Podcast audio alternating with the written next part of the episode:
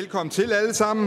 Jeg hedder Rasmus Horn Langhoff. Jeg er folketingsmedlem for Socialdemokratiet, og i den her forbindelse vigtigst formand for Klima, Energi og Forsyningsudvalget her i Folketinget, og jeg har fornøjelsen af at byde velkommen til den her åbne høring om atomkraft og leder os igennem dagens program. En særlig tak skal lyde til dagens i alt 12 oplægsholdere. Der er 8, der deltager fysisk, der sidder her i panelet, og så er vi fire med over Teams. Vi er meget glade for, at I har afsat tid til at være sammen med os i dag og dele ud af jeres viden. Også velkommen til udvalgets medlemmer og til alle jer tilhører øh, i salen, og selvfølgelig også øh, seerne derhjemme, der øh, følger med den her høring her på skærmen. Det har været noget af et tilløbsstykke, og der er en øh, venteliste til med. Det er ikke så tit, vi har det vores arrangementer, ventelister af folk, som simpelthen må afvises, men de kan jo så heldigvis følge med derhjemme. Øh, så det er vi jo kun glade for, at, at vi besluttede i udvalget, at denne høring skulle være åben, så øh, alle kan få glæde af, af de informationer, vi får her i dag. Det er øh, Klima- og Energi- og Forsyningsudvalget, der har taget initiativ til den her høring for at blive klogere på spørgsmålet om atomkraft og for at få mere viden om, hvilke typer atomkraft der findes i dag, hvad der er under udvikling, hvordan man forholder sig til atomkraft i EU og i vores nabolande, og sidst men ikke mindst om atomkraft bør spille en rolle i planlægningen af fremtidens energisystem herhjemme i Danmark. Og inden jeg giver ordet til vores første, første oplægsholder, så har jeg et par praktiske informationer. Fem af vores oplægsholdere de kommer fra henholdsvis Sverige, Tyskland, Frankrig og Bruxelles. De to svenske oplægsholdere de vil holde deres oplæg på svensk, så vi øh, spidser alle sammen ører og appellerer til vores oplægsholder om ikke at tale alt for hurtigt.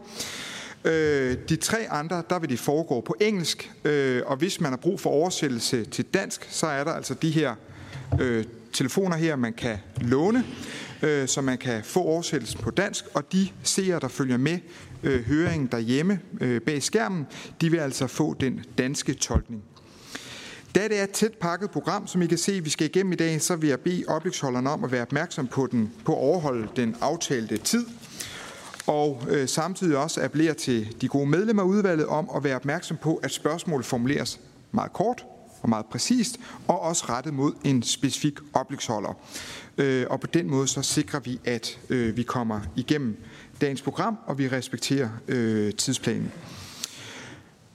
Når I har ordet, så benytter man sin mikrofon af hensyn til både akustikken her i lokalet, men også alle seerne derhjemme. Og så skal jeg sige, at høringen afholdes i fire, fire blokke, hvor hver blok indledes med oplæg fra tre oplægsholdere, og efterfølgende vil der så være øh, afsat en lille smule tid til, at der kan blive stillet spørgsmål til, øh, til de oplægsholdere. Og det er, i og med det er øh, udvalgets høring, så det er altså øh, udvalgets medlemmer og medlemmer af Folketinget, som har fortrinsret til at stille spørgsmål. Jeg vil godt lige øh, rise rammerne op for den her høring. Øh, det er ikke nogen hemmelighed. Det er også en høring, der vækker stærke følelser og stærke holdninger, og netop derfor så øh, bestræber vi os på og appellerer til, at vi holder den gode tone øh, i, i, den her, øh, i løbet af den her høring her, øh, så vi sørger for, at alle øh, kan få lov til at, øh, at dele ud af deres viden. Det er mig, der er mødeleder. Det betyder, at man får ordet, hvis og når jeg giver lov. Hvis der er nogen, der ytrer sig, nu ser I jo meget øh, venlige og fredsommelige ud alle sammen, men hvis der skulle opstå en situation, at der er nogen, der ytrer sig fra salen uden at få lov, så vil man blive bedt om at forlade salen med det samme. Der er afsat tre timer og et kvarter til høringen. Vi holder en pause efter blok 2, det vil sige kl. 14.25, hvor udvalget vil være vært for en kop kaffe, lidt vand og lidt snacks ude foran. Og så skal jeg sige, inden der er en masse, der spørger om det, at alle PowerPoint-præsentationer vil efterfølgende blive lagt op på Folketingets hjemmeside. Og det er jo også her på Folketingets hjemmeside, at når I kommer hjem og lige skal have gense høringen, så er der altså mulighed for, at man kan få det hele med endnu en gang, hvis der er noget, I lige missede. Det var jo alt det praktiske, og så kan vi gå i gang. Høringsblok 1 handler om atomteknologier. Og det første oplæg, det er øh, første oplægsholder, det er Hans Otto Uldal Fynbo, der er professor i fysik ved Aarhus Universitet, som vil give os en kort introduktion til de forskellige typer af atomkraft. Og Hans, du har 10 minutter, og når du nærmer dig 10 minutter, så kommer der et vink, øh, og så kan du afrunde der. Så værsgo, ordet er dit. Tak for det, og tak for invitationen til at komme og tale til jer. Og tak for nysgerrigheden over for atomkraft. Det synes jeg er dejligt.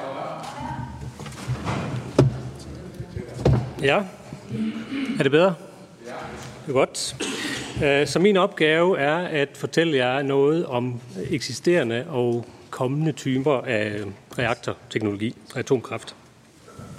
Og det, jeg tænker, jeg vil starte med at sige, det er, at øh, det er jo egentlig en af de mest epokegørende ting, der skete i det 20. århundrede, det var, at menneskehedens, de lærte at frigive den energi, der er i atomkerner. Og det er sådan set det, vi taler om i dag. Hvordan kan vi bruge den viden til gavn for menneskeheden? Og når man så taler om atomreaktorer, så deler man det normalt op i fire generationer. 1 til 4, øh, hvor den første, det er de første kommercielle reaktorer, der blev skabt lige efter 2. verdenskrig i 50'erne og 60'erne. Og de fleste af dem, de er ikke længere i brug. Og så de fleste reaktorer, som vi ser omkring os i verden i dag, dem kalder man for generation 2. Øh, de er så bygget i 1970 til, øh, ja, til øh, omkring 1990. Og der kan vi for eksempel tænke på de værker, vi har i Sverige, øh, og også i mange andre lande. Øh, og så har man så øh, i, i nyere tid her i øh, efter 1990 der det, hedder Generation 3 eller 3 Plus, som er værker, som har øh, altså en forbedret på mange parametre. Det er mere sikre, bedre brug af brændsler og en, en hel række ting. Og der kan vi tænke for eksempel på det nye værk i Finland, Olkiluoto 3, og også andre værker i, i USA og i Asien rundt omkring.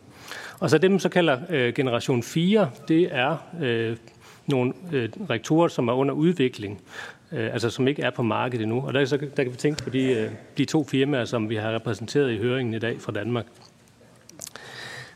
Øh, så lad os prøve at kigge på, hvordan øh, det, man så kan kalde konventionelle øh, reaktorteknologi, det ser ud. Det er dem, som man finder ude i verden i dag, hvor der er omkring 450 øh, fungerende reaktorer. Og de fungerer på den måde, at man har sådan en reaktorkerne, hvor altså atomkerner de spaltes, øh, sådan så der kan frigives energi. Og omkring øh, den øh, kerne der, der er der så noget varmt vand, som kan føre den her energi væk øh, hele tiden og øh, lave den energi om til elektricitet. Og det sker ved, at man laver vandet om til damp, som så kan drive en turbine. Det er ligesom det, man ser i kulkraftværker og gasværker osv. Og øh, fordi det her vand det er meget varmt, det er faktisk 300 grader varmt, øh, så skal det være under højt tryk. Og derfor så er hele det her, det fungerer i sådan en, en tryktank, som er ret bekostelig at lave. Øh, så det er en af grundene til, at konventionel atomkraft det er, det er dyrt.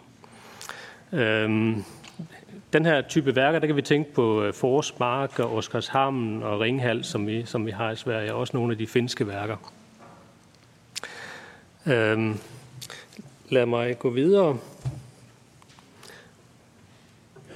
Så hvis vi ser på, hvordan øh, energien det kommer i den her slags øh, værker, så sidder der altså sådan nogle øh, brændselsceller inde i, dem. Og der kan man tænke på det brændsel, som, som ligesom den sidste led på en finger. Der er sådan en, en lille pille. Og de piller, de sidder placeret i sådan nogle lange rør, 3-4 meter lange, som øh, samles i sådan nogle brændselsenheder, som jeg har forsøgt at vise på billedet her. Og inde i sådan en konventionel reaktor, der sidder der omkring 100 tons af sådan noget materiale. Og hvert år, der udskifter man så cirka en tredjedel af det. Så det vil sige, at sådan en, en reaktor, den bruger altså cirka 30 tons uran om året til at lave øh, energi. Og meget af det, det svarer til 1-2 kubikmeter øh, uran. Det kan man sammenligne med sådan et typisk termisk dansk kraftværk, øh, som bruger 100-200 tons kul eller biomasse i timen. Altså i timen. Og det er jo sådan den helt store forskel på, øh, på øh, øh kernekraft og andre produktionsformer at der er sådan en gigantisk energitæthed i det her kernebrændsel. Øhm, og øh, hvis man så ser på, hvad der så sker i de her konventionelle atomkraftværker, så er det sådan, at øh, efter et år, så vil der være, øh, det er det forsøgt at illustrere nede i, i højre hjørne, den lille grå firkant der, det er den del af brændslet, der ligesom er blevet lavet om til, til noget, der ikke kan bruges længere. Og når vi er nået dertil, så placerer man det her brændsel i nogle vandtanke, og så til sidst, så skal de placeres i sådan nogle såkaldte tørre tønder, som jeg har vist på billedet der. Og senere i dag, der skal vi høre om, hvordan man håndterer det problem, øh, eller den, den udfordring i Sverige. Øh, jeg, senere vil jeg også forklare, hvordan man måske kan bruge den her brændsel lidt mere effektivt, end man gør i de, i de nuværende værker. Så kommer vi til kommende eller nye reaktorteknologier. Og der vil mange have hørt om små modulære reaktorer, eller om avancerede reaktorer, eller om formering. Der er mange ord, øh, som, som folk har hørt om, så jeg forsøger at forklare, hvad det handler om. Altså først vil jeg prøve at sige, hvorfor er det, man forsøger at lave nye reaktorer? Det er der flere grunde til. Der, man vil gerne have en bedre udnyttelse af det her kernebrændsel, øh, hvor man som sagt i dag bruger kun en lille del. Så vil man gerne have en højere effektivitet, altså en større øh, omdannelse af kerneenergien til elektricitet. Det kan man gøre ved at hæve temperaturen inde i reaktorkernen, så den er højere. Så man gerne have en bedre økonomi. Det har vi alle sammen hørt meget om i medierne, at de her værker, som der bliver bygget, de har nogle økonomiske udfordringer. Det kan man gøre ved at lave en, en bedre konstruktion, en modulær konstruktion, øh, og også en bedre brug af brændslet. Og så vil man også gerne have en endnu bedre sikkerhed. Og så er der også noget med ikke-spredning af, af de her teknologier til, øh, til ikke-fredelige lande. Så det her med de små modulære reaktorer, det er det nok det, man hører mest om i medierne for tiden. Og der har jeg øh, sådan vist to rapporter her, hvis man skulle være interesseret i at dykke ned i større detalje. Der er over 100 forskellige nye designs øh, på vej, og øh, det kan man selvfølgelig ikke forklare om på, på 10 minutter. Så det er vel sådan prøve at sige, at man, man kan dele det lidt op på. Der er ligesom en kategori, der handler om små modulære reaktorer, som er mindre versioner af dem, som vi kender allerede i dag det, det er ikke nogen større teknologiske udfordringer for dem til at lykkes. Det, det, det handler mere om at få det til at lykkes på en måde, som er økonomisk øh, rentabel. Og så er der en ny slags øh, små modulære reaktorer, som er repræsenteret af de to firmaer, som vi har øh, til venstre for mig, øh, og som vi vil høre mere om i deres oplæg, øh, som, som man ikke rigtig kan sammenligne med, med de konventionelle. Altså det er nogle helt andre teknologier og nogle helt andre designs. Øh, Øhm, så, så der er et stort potentiale i, øh, i, hvordan de kan udvikles. Så den, den udvikling, den handler ikke kun om, hvordan selve reaktoren ser ud, også, men også hvordan brændslet det er. Så det vil jeg vise på min næste slide her. Så øh, i modsætning til den type brændsel, som jeg viste lige før, så er der en, en række idéer til, hvad man kan lave ny type af, af kernebrændsel. Så det første billede, jeg viser til venstre her, det er, at man kan have et flydende brændsel, i stedet for de her piller, som jeg viste før. Så hvis man putter sådan et uranbrændsel ned i et salt, eller også andre grundstoffer, så, så kan man have brændsel på en flydende form. Og det har nogle fordele. For eksempel, at man ikke behøver den der store tryktank, som man har i de konventionelle reaktortyper fordi det her salt det kan blive meget varmt uden at øh, udvikle gas. Og det gør, at man kan øh, potentielt set bygge en, en billigere reaktor. Der findes også en type, som hedder triso, som jeg viser over til højre, som er sådan, ligesom en størrelse med en, en tennisbold, som, som har den fordel, at den meget svært kan uh, smelte. Så er der også en række øh, design, som arbejder på, som sagt, at udnytte større dele af uranbrændsel. Så det er ikke kun den lille røde firkant nede i venstre eller højre hjørne, som, som bliver brugt, men altså hele, hele den gule firkant, som kan bruges potentielt set. Man vil også kunne bruge thorium, som er et andet grundstof, som der er tre gange så meget af, som der er uran, så det vil også være en stor fordel. Og der er også reaktortyper, som vil kunne bruge øh, brugt brændsel. Øh, der er Copenhagen Atomics reaktor et eksempel på, at man forsøger at gøre det muligt. Så der er en hel række udvikling, som handler om det. Og så viser jeg her et kort over Europa, bare for at give et indtryk af, hvilke lande i Europa i dag ser en fordel af at inkludere atomkraft i deres energiplanlægning. Så figuren til venstre eller til højre, den er ikke helt opdateret, fordi de tre tyske værker, de stadig er med, men de er, som, som I alle sammen ved, i dag også lukket. Så i Tyskland er der i dag ikke kernekraft. Men der er altså i Europa omkring 100 fungerende reaktorer, og så er der også planer om øh, cirka 30, som det ser ud nu, enten under konstruktion eller planlagt, eller som er foreslået. Og der findes også et, øh, et udbredt arbejde omkring, hvordan man kan bruge de der små modulære reaktorer rundt omkring i Europa. Og så min sidste slide, der vil jeg prøve at, øh, at sige lidt om, at øh, når man så skal snakke om energipolitik, som vi jo skal i dag, eller i hvert fald lige skal i udvalget, så er, så er der nogle valg, som man skal træffe. Og øh, det er det, jeg forsøger at illustrere med den her firkant. Der er selvfølgelig noget med energisikkerhed, altså øh, kan vi få energi øh, til vores øh, borgere. Og så er der noget med bæredygtighed, og så er der noget med økonomi. Og der, der synes jeg bare, at jeg vil komme med den øh, måske banale pointe, at når man laver sådan en politik, så skal man selvfølgelig kigge på alle de her forhold. Og hvad, hvad er så kernekrafts øh, plusser og minuser i den sammenhæng? Der synes jeg, at man skal fremhæve, at kernekraft det er altså en teknologi, hvor man har en, øh, en meget stor energitæthed, så man kan lave en energi med et meget lille øh, arealforbrug, mineralforbrug. Øh, øh, og så har det så også nogle ulemper, nemlig at øh, der er nogle økonomiske udfordringer, særdeleshed i Vesteuropa, at det har været vist sig vanskeligt at producere de her enheder økonomisk. Historisk set har man vist i Sverige, at det kan lade sig gøre, øh, og de her nye teknologier, de er, de er også et stort øh, potentiale for, at de kan gøre det endnu billigere. Ja. Øhm, ja. Og så vil jeg slutte af med at sige, at hvis man skal løse klimakrisen globalt set, så ser jeg, at der er tre øh, teknologier, der kan gøre det. Det er kernekraft, og så er det vind, og så er det sol. Det er de eneste, der kan skaleres op. Og så er det en politisk prioritering, hvordan man vil lave mixet af de tre teknologier. Tak for tak. det, Hans. Nu giver jeg ordet, ja.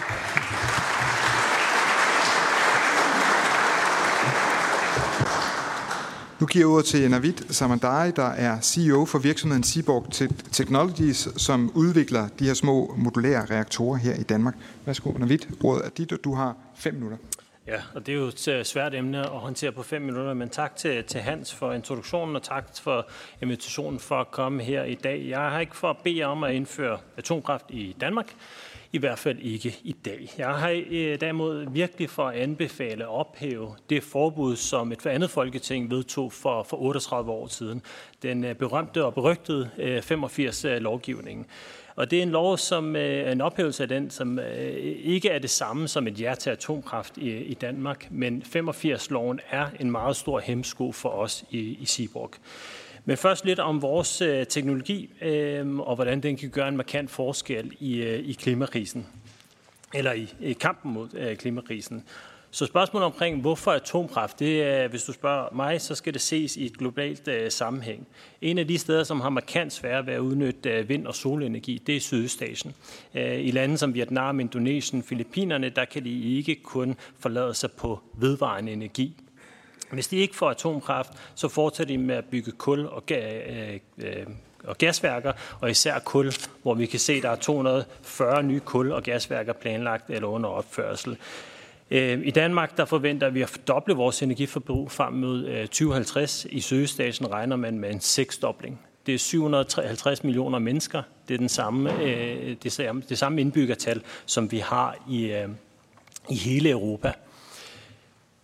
Og der er to vigtige innovationer ved Seaborgs teknologi. Det ene det er, at den er sikker, stabil og prismæssig på niveau med sol og vind. Og den anden det er, at den er skalerbar.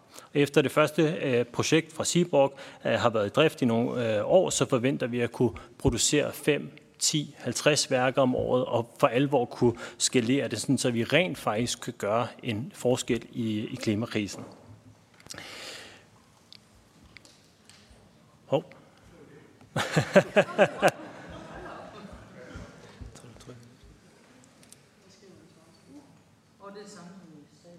hvor vi Øh der, godt, vi er vist tilbage på sporet. Så prøver jeg igen. Godt. Så, i Seaborg så beder vi ikke om øh, statsstøtte. Øh, det vil være meget værdifuldt for os, hvis vi i Danmark kunne begynde at uddanne mennesker i de forskellige rene af atomkraft. Og som denne høring også viser, har vi ikke mange af dem.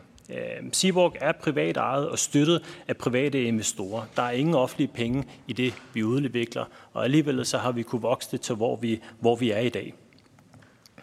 Øhm, her der har vi et billede af vores øh, reaktor. Øh, bemærk den person, der står oppe i højre hjørne der, øh, til venstre for reaktoren, det, det er størrelsesforholdet. Øh, og jeg når ikke at gå ind i alle detaljerne omkring vores, øh, vores reaktor, men nogle af de vigtigste, det er blandt andet, at øh, Vores reaktor kan ikke nedspilte eller eksplodere. Den er væsentligt anderledes, som Hans også var, var inde over. Anlægget, prammen, som I kan se det flydende platform nede i højre hjørne, kan køre i 12 år uden indgriben. Det er et lukket system, som vi designer. Og så i løbet af værkets 24 års levetid vil der ikke være håndtering af brugt brændsel. Det er et lukket system. Og efter 24 år, så afhenter Seaborg og vores partner anlægget og dekommissionerer centralt på samme måde, som vi også bygger øh, centralt. Og igen, i det globale perspektiv, der er nogle vigtige overvejelser, og det er, at atomkraft det gavner miljø og biodiversitet. Her der kan vi se, øh, øh, hvor meget landbrug der, der er brug for for forskellige energikilder, og så den store synder af dem alle sammen, øh, biomasse, som vi skal være heldige, øh, at resten af verden ikke bruger i samme omfang, som vi gør. En anden vigtig øh, element også på, på plads, det, det er sikkerhedsradiusen. Øh, det er en væsentlig anderledes teknologi end øh, dem, som Hans nævnte, altså tredje generation og de tidligere. Så når vi snakker emergency planning, altså den ydre sikkerhedszone, så snakker vi 750 meter. Det er et paradigmeskifte fra, hvad vi kender fra konventionel atomkraft, hvor vi snakker 150 kilometer. Vi gør ikke det her alene. Vi gør det sammen med partnere et halvt minut tilbage. Godt. Vi gør det sammen med partnere, så i dag så er det Seaborg, Samsung Heavy Industries, en af verdens største og bedste skibsværfter, og KNP, en af verdens største og bedste operatører, som, øh, som udvikler øh, det her i, i fællesskab. Og øh, så må jeg hellere hoppe frem, nu når Rasmus han er ude med pisken, øh, med god grund, så vi kan holde øh, øh tidsplanen her. Det vigtigste for mig at, at sige i dag, det er, at øh,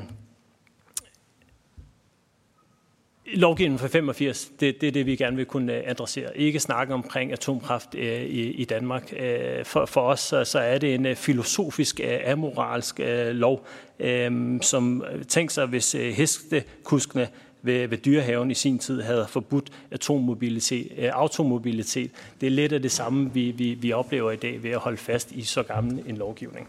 Tak for det, Navid. Lad os give ham en hånd.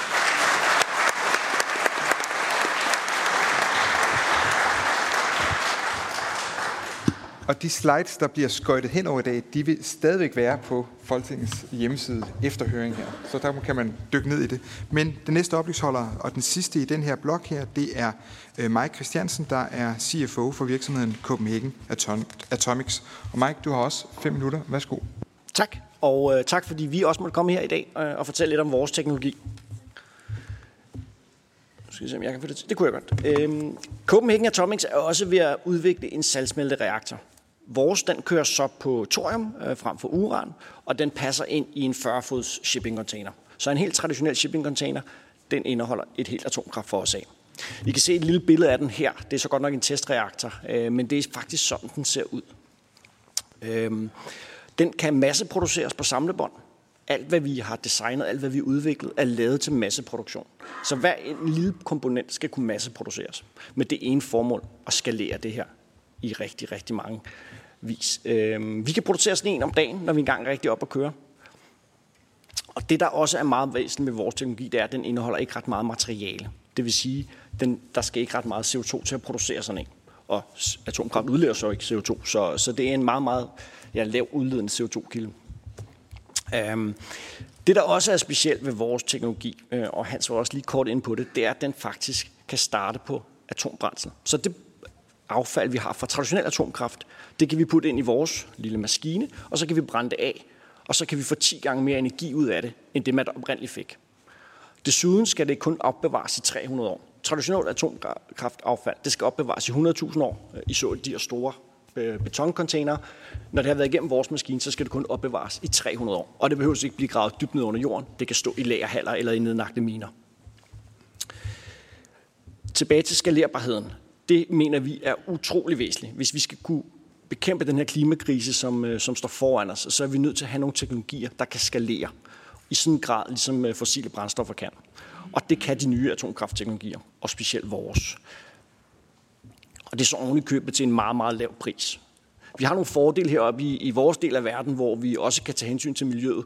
Men mange steder, der er det prisen på energi, der er afgørende for, om de vælger den ene eller den anden energiteknologi. Og vi kommer frem med en pris, øh, når vi engang er på markedet, som er blandt de laveste af alle energiteknologier. Og det mener vi bliver en væsentlig faktor i forhold til at rulle det her ud. Og så er der et pænt lille billede her af, hvordan et kraftværk for vores ser ud. Øhm, det I kan se her, det er, ja, det er så 30 containere på, øh, på, på række. Øh, hver af dem producerer 100 megawatt termisk energi.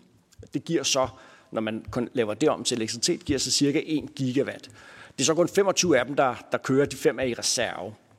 Og 1 gigawatt strøm, det svarer cirka til, hvad 2 millioner husstande i Danmark bruger om året. Så det er meget, meget, meget energi, man får ud af sådan en lille kraftværk. Det fylder cirka to, øh, to fodboldbaner.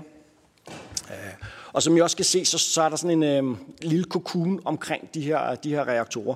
Og det er en halv meter tyk stål, som i virkeligheden kan, kan kan udstå et, et fly, der styrter ned. Så, så sikkerheden i det her er, øh, er ret, ret høj. Så der er ikke så meget at bekymre sig for den del. Hvor er vi så i dag? Copenhagen Thomas holder sig ude på Amager. Øh, vi er 75 øh, personer, der arbejder med at udvikle den her teknologi. Øh, vi har cirka 11.000 kvadratmeters produktionsfaciliteter, og vi vil være i stand til at producere 10 af de her reaktorer derude. Vi har allerede to, der står derude. I så et billede af den ene før. Øh, det er så godt nok kun en testreaktor. Vi må jo ikke starte dem herude. Men, øh, men vi, kan, vi kan foretage en masse tester. Vi kan foretage en masse R&D, hvor vi er i dag. Men øh, vi vil selvfølgelig rigtig, rigtig gerne noget mere. Øh, og det er også lige en af de oplæg, vi kommer med her i dag.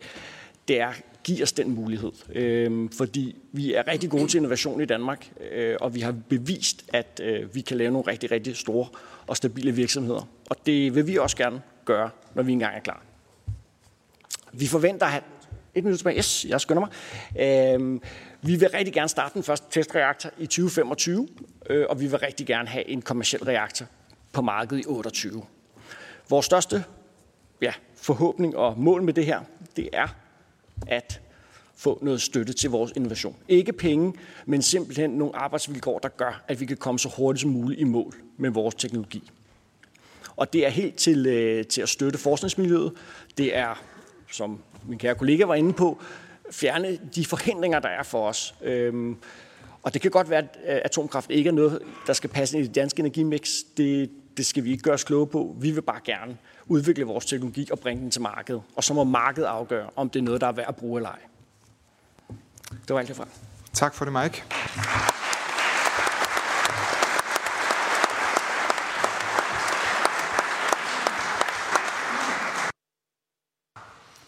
Ja, og nu har vi et lille kvarter til opfølgende spørgsmål og svar fra øh, udvalgets medlemmer, inden vi går til blok 2. Og der er allerede et par udvalgsmedlemmer, der har skrevet på, Morten Messerschmidt og Kajen Lilletorp. Øh, og igen opfordrer til korte spørgsmål, korte svar, øh, så vi kan nå øh, at holde programmet. Øh, ja. Morten, vil du lægge for? Tak for tre øh, spændende øh, og inspirerende oplæg. Tre korte spørgsmål. Hvad er den på den fjerde, fjerde generations teknologi? Hvad er den forventede pris øh, på en megawatt stillet over for for eksempel, hvad kulprisen er i dag? som vi kan se øh, udbreder sig i, især i, i Asien. Så hvor er man på, hvad forbrugeren sådan skal betale? Øh, sikkerhed. Vi kender jo alle sammen de skrækscenarier med, at der sker et eller andet på et øh, konventionelt kernekraftværk, og øh, radioaktiv gas kommer ud i atmosfæren. Er det det samme problem? I siger, at I har tykke vægge. Det er fint nok, men hvad sker der, hvis teoretisk, at øh, det kommer ud i atmosfæren? Øh, og så helt konkret i forhold til den der 85-beslutning. Hvad er det, udover at sende strøm ind på nettet, i ikke må i dag, som I gerne vil kunne? Tak, Morten. Så er det Karin Lilletorp. Kort og ja. godt. Øh, tak for det. Ja, jeg blev helt stresset, at det skal være så kort. Jeg håber, I har bemærket, at på forskningsreserven er der faktisk nu sat penge af til, at man gerne må forske i atomkraft. Det vil jeg bare gerne lige påpege. Men mit spørgsmål er faktisk øh, lidt i samme retning som Morten Messersmith at sige, nøjagtigt hvad er det, i ikke må i dag, som I gerne vil have lov til? Er det sådan en fuld ophævelse af alle reglerne, eller vil mindre i virkeligheden kunne gøre det? Hvad er det konkret, der sætter stoppen for, at I, I kan innovere? Tak. Så er det Linnea Søgaard. Tak også for jeres øh, oplæg. Jeg vil høre, øh, Navid og Mike, øh, spændende teknologier. Hvornår forventer I at kunne øh, markedsføre? Hvad er det, som forhindrer jer i at være på markedet i dag? Og så vil jeg også høre, hvis I er øh, på den øh, vækstrejse, hvis I realiserer den vækstrejse, I øh, planlægger efter og, og, og håber på, hvornår kommer 1985-beslutningen så til at forhindre, at I øh, bliver og udvikler i Danmark? Vi tager to spørgsmål mere, så kan I svare på det. Mone Jule først. Jeg skriver en masse ned. Tusind tak, fordi I vil komme og stille op her med nogle rigtig gode oplæg. Det er ærgerligt, at det skal gå så hurtigt, men vi må prøve, og jeg forstår det godt, Rasmus. Men vi er nødt til lige at spørge øh, ad øh, dig, Hans, øh, fordi du taler lidt om forsyning af mineralerne. Hvordan er situationen i forhold til fjerde generations mineraler, anvendelse af det, altså mængden? Og så har jeg også lige behov for at spørge i forhold til de to friske virksomheder, hvor længe er I i Danmark, hvis vi ikke kommer til at ændre 1985-aftalen? Tak, og jeg vil prøve både at holde tidsår, tidsplan, og uden at, at der er nogen, der går ned med stress i løbet af turen her. Jeg skal nok bestræbe mig på. Anne, havde du også bedt om ordet? Værsgo. Anne Pauline? Ja, men det var, det var øh, tak for oplæggene, også god oplæg. Øh, men det var egentlig også den her 85-beslutning, som jo, som jeg forstår, det handler øh, primært om det her med, at vi ikke øh, planlægger med atomkraft i vores egen øh, energiforsyning, så egentlig også bare nysgerrighed på, hvad, hvad er det, altså i og med, at der ikke er et forskningsforbud øh, i dag, og der jo også er givet øh, nogle offentlige støttemidler også til, øh, blandt andet Seaborg, øh, som jeg husker det. Hvad er det så i øh, 85-lovgivningen, der er det problematiske for jer? Det var en masse spørgsmål til alle tre. Jeg tror, vi tager, vi tager en, en stribe. Ja, når vi, Godt, vi, vi, vi tager en stribe. De fleste af dem relaterer sig jo til, til 85-loven, så måske skal jeg lige prøve at starte med, med de andre. Uh, Mortens spørgsmål om prisen, uh, som jeg også havde på, på en af vores slides, som, som er Seaborgs vision, det er, at vi kommer ikke til at dekarbonisere den her verden, hvis ikke alternativet til energi er Øh, øh, øh, prisvenligt, altså at det kan konkurrere med det, som udgør mest, og det er kul og, og gas, øh, og hvis ikke det kan skalere. Så selvfølgelig vil den første og den første serie være dyrere. Øh, sådan er det med al teknologi, men vi skal kunne være konkurrencedygtige med kul og med gas, og det viser alle vores estimater, at det, det vil vi kunne, øh, kunne blive. Øh, det er den ene del. Og så den anden del, hvis det kommer ud af reaktoren, var det spørgsmål, jamen så kommer det ud i den her form. Øh, det her det er en, det er en fluoridsalt. Øh, det er den, som øh, Hans også havde på en af slidesene øh, i sådan en crucible. Øh, når den smelter ved 500 grader, så er den ikke en sten længere. Så er den flydende så bliver den pumpet rundt ind i reaktoren. Det er meget det testarbejde, vi, vi, vi laver i dag, uden det fossile materiale. Hvis det kommer ud igen, jamen så kommer det ikke ud som gasform, så kommer det ud som sådan en sten, der størkner. Og det har noget at gøre med det, den slide, som jeg også viste med de 750 meter, at hvis, det kom, hvis der kommer et radioaktivt udslip, og så kan vi øh, tænke på alle mulige forskellige øh, forhold, det kunne være en reaktor, der flyver ned ind, så kommer det ud som en sten. Og det ændrer fundamentalt alt, hvad der er ved atomkraft. Ikke kun sikkerheden, men hvor man kan bygge det, hvordan man kan bygge det, hvad koster det, hvordan kan man forsikre det osv. Det håber jeg på, øh, håber jeg svaret på, på, på de to spørgsmål. Øhm, og så var der noget om forskningsreserven. Det er vi helt klart øh, glade for, øh, den udvikling, og også for den støtte, vi har fået fra Innovationsfonden, fra Preseed Ventures, fra øh, øh Vækstfonden, IFO osv. Super glade for det. Der er stadig en del ting, som, som øh, er, er en hemsko for os, når det kommer til, til 85-loven. Og uden at, for at skulle prøve at holde det kort, så handler det om risiko. Når, når det kommer til startups øh, og scale-ups øh, som vores, så er der meget risiko. Og når man skal investere i det, så er det et spørgsmål mellem risiko og afkast. Risiko og reward. Når man så tilføjer al den risiko, der er med, med, med øh, atomkraft og de, den udviklingscyklus, der er, og time to market, så bliver det ekstra risikabelt. Hvis du så ovenikøbet også lægger nogle øh, politiske agendaer, ideologiske holdninger eller andet, så gør det, at der er endnu mindre investeringsrisiko, eller investeringsvillighed, fordi risikoen er større.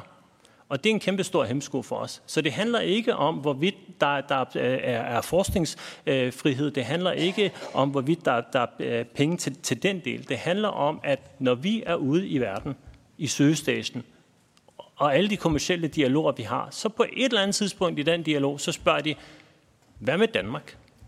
Og så har vi gode grunde til at sige, hvorfor er det, at vi ikke har atomkraft i, i, i Danmark?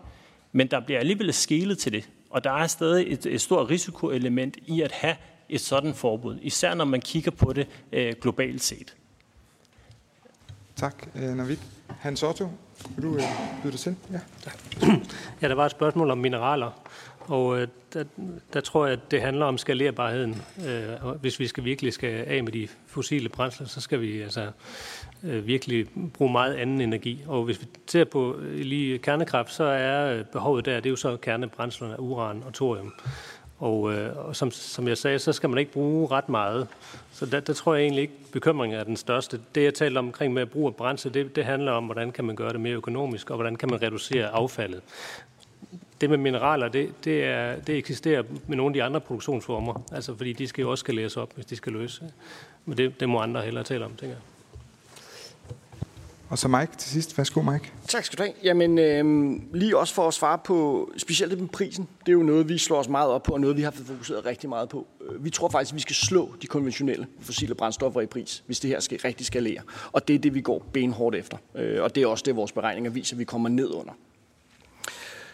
Så lige for, i forhold til 85-beslutningen, og det, det er rigtig fint, I spørger om det her, og det, det, der er relevant, det er, at vi vil jo sådan nogle teknologier, før de kan komme på markedet, skal de testes, og de skal testes rigtig, rigtig, rigtig mange gange.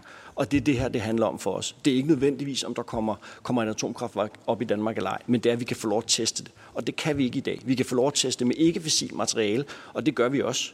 Men, men det, før man rigtig kan, kan, kan se, hvad der, er, der sker i sådan en atomreaktor, så skal man også have mulighed for at teste med fissilt materiale. Øh, du spurgte også, øh, hvor længe vi er i Danmark. Jamen, vi er sådan set på vej ud allerede i en vis form, fordi vi ønsker at teste en reaktor i 2025.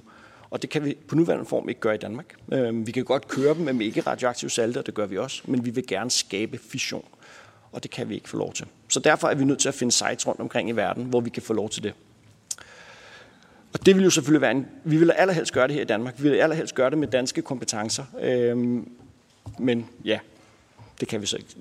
Øhm, og så lige en sidste ting. Der er også, øh, Navid var også lidt på den her signalværdi øh, omkring, at Danmark ikke støtter det. det så det, det er ikke om vidt, om Danmark har atomkraft i energiforsyning eller ej, men det er mere det, at man har et forbud mod det, der sender et forkert signal. Øh, og det er også specielt i forhold til investorer. Og når vi, du har en lille ekstra ting. Ja, det er ekko det, som Mike også siger, også til spørgsmål om, hvor længe er vi i Danmark. Jamen, vi, vi er danske stifter. Øh, det er jo hovedsageligt danske investorer, vi, vi, vi har ombord. Vi vil gerne være en dansk virksomhed, så længe vi, vi kan. Og hvis vi tænker over, hvor mange styrkepositioner vi, vi har skabt i Danmark, med, med et udgangspunkt, hvor vi ikke havde en styrkeposition, så er det også noget, vi kan skabe her, og det har vi en interesse i at uh, kunne gøre, så længe der ikke bliver spændt ben, og, og så længe der ikke er den her store hemsko med, med 85 lån, så vil vi gerne kunne blive en dansk virksomhed. Tak for øh, tydelige, korte og kontante besvarelser. Sætter vi stor pris på. Nu går vi videre til dagens anden blok. Og der kommer tre oplæg, som skal belyse, hvordan der ses på atomkraft i to af vores nabolande, Sverige og Tyskland, samt i EU. To oplæggene de afholdes på engelsk, og der vil være simultaltolkning fra engelsk til dansk og øh, dansk til engelsk i den efterfølgende spørgerunde. Så man kan høre det på engelsk, eller man kan have høretelefonerne på, og så kan man få det på dansk. Første oplægsholder, det er øh, Stefan Lægner, der er direktør for Euratom Safeguards, øh, generaldirektoratet for energi i EU-kommissionen. Og Stefan vil give en status på atomkraft fra et EU-perspektiv. Og du skulle sidde klar derude, Stefan. Ordet er dit. Og du har øh, 10 minutter. Værsgo. I'm ready. I hope you can hear. Ja, tak. Jeg hører, I håber, I kan høre mig. Ærede medlemmer af Folketinget, det er en stor ære for mig at kunne deltage i dag og tale om status for atomenergi i EU. Og også om hvilke muligheder og udfordringer der er for atomenergi samt rollen i en bredere energikontekst. Som I ved, så er brugen af atomenergi noget, som er et rent nationalt valg i EU, og medlemslandene har fuld kompetence til at træffe beslutning om deres eget energimix. Kommissionen har længe haft det princip, at man er teknologineutral, så længe de teknologier, der vælges af medlemslandene, sørger for det, sikreste, det største sikkerhed for EU-borgerne. At man har den højeste sikkerhedsstandard, også i atomenergi, er en forudsætning for at bruge atomenergi i EU. Og det gælder også udviklingen af nye teknologier. Især i EU i dag, der ser vi en fornyet interesse i atomenergi, som drives af tre faktorer. For det første, dekarboniseringen. Vi har ambitiøse klimamål i Paris-aftalen, og det betyder, at vi skal levere en hel masse ved hjælp af alle de lavemissionsteknologier, vi har rådighed over. For det andet, så skal vi sørge for forsyningssikkerheden og overkommelige priser og det er jo også blevet forstærket af den geopolitiske situation. Og for det tredje er der et stærkt behov for at sikre vores teknologiske lederposition og blive ved med at bygge strategisk energiautonomi. Og det betyder også, at vi fremmer vores færdigheder og aktivt støtter forskning. Lad mig gå ind på alle de tre faktorer, mens jeg understreger vores fokus på atomsikkerhed. Man kan ikke overveje yderligere brug af atomenergi, hvis ikke man stadig fastholder den højeste grad af atomsikkerhed i Europa, som vi har haft i årtier i EU. Takket være det robuste regelsæt under Euratom-traktaten. Først dekarbonisering. Forud for COP28 i Dubai er klimaforandringerne stadig et af de vigtigste udfordringer. EU har allerede skabt sine egne klimarammer, og adskillige EU-medlemslande anerkender, at de ambitiøse mål om at blive klimaneutrale i 2050 og reducere drivhusgasudledningen med 55 procent inden 2030 kræver, at vi bruger alle lavemissionskilder herunder atomenergi. Over de seneste 50 år har atomkraft spillet en nøglerolle i de medlemslande, som anvender det. I dag er der 100 reaktorer i kraft i 12 medlemslande, og de leverer omkring 35 procent af øh, lavemissionsudledning øh, energi og 22 procent af den samlede energiproduktion. To reaktorer er for nylig taget i brug i Finland og Slovakiet, og to mere forventes snart at komme på elnettet. Og der er også flere anlægsplaner på vej. Faktorer som den russiske, det russiske angreb på Ukraine, dynamikken på energimarkederne og den geopolitiske instabilitet har påvirket de nationale energipolitikker og har accelereret den grønne omstilling i Europa. Den tendens kommer også til udtryk i oplysningerne medlemslandene giver i deres opdaterede nationale energi- og klimaplaner. Men jeg vil gerne understrege igen, at brugen af atomenergi er et nationalt valg, og medlemslandene har fuld suverænitet til at beslutte deres egen energimix i overensstemmelse med traktaten om EU's funktionsmåde. Kommissionen anerkender den rolle, atomenergi spiller i vores dekarboniseringsindsats, men anerkender også, at kun nogle medlemslande ønsker at bruge atomenergi eller bruger det til at komplementere planerne for vedvarende energi. Vores mål er at sikre, at den politiske debat om dekarbonisering og frem, det fremtidige energisystem skal samle folk og ikke skabe yderligere splittelse. Og slet ikke splittelse mellem teknologier. Dekarboniseringsudfordringen er kæmpe, kæmpestor, og vi har brug for alle lavkulstofkilder øh, til, at vi kan nå målene. For at nå målene må EU have et velfungerende og sikkert indre energimarked, der er egnet til dekarbonisering og innovation. For blot en måned siden mødtes EU-energiministerne og vedtog deres holdning til kommissionens forslag om at forbedre det indre øh, design for elektricitetsmarkedet til fordel for e-, europæiske husstande og SMV'er. Forslaget fokuserer på øh, en høj grad af vedvarende energikilder, men anerkender også den rolle, som atomkraft spiller. Det foreslå, de foreslåede redskaber til elmarkedet skal være tilgængelige for både eksisterende og nye projekter inden for vedvarende energi og atomenergi. Som I ved, har kommissionen også defineret kriterier for bæredygtige investeringer i den delegerede retsakt om klima, samt i forordningen om netto-nul-teknologier. For at vurdere status i det europæiske energisystem har kommissionen også et lanceret en undersøgelse, der involverer interesserede parter fra atomindustrien samt forskningsorganisationer. Der vil komme en rapport i begyndelsen af 2024, der vil danne grundlag for drøftelser om passende foranstaltninger både nationalt og på EU-niveau. De forløbige resultater indeholder også henstillinger, der blev drøftet på det seneste øh, atomenergiforum, der fandt sted 6. 7. november i Bratislava, hvor der var interesserede parter fra hele atomenergisektoren. Så er der forsyningssikkerheden. Når det gælder forsyningssikkerheden og overkommelige priser, er der nogle særlige udfordringer for atomenergi i EU da er øh, næsten to år siden, at Rusland angreb Ukraine, og vi er nødt til at reducere vores høje energiafhængighed af Rusland, som det også står i kommissionens Repower EU-plan.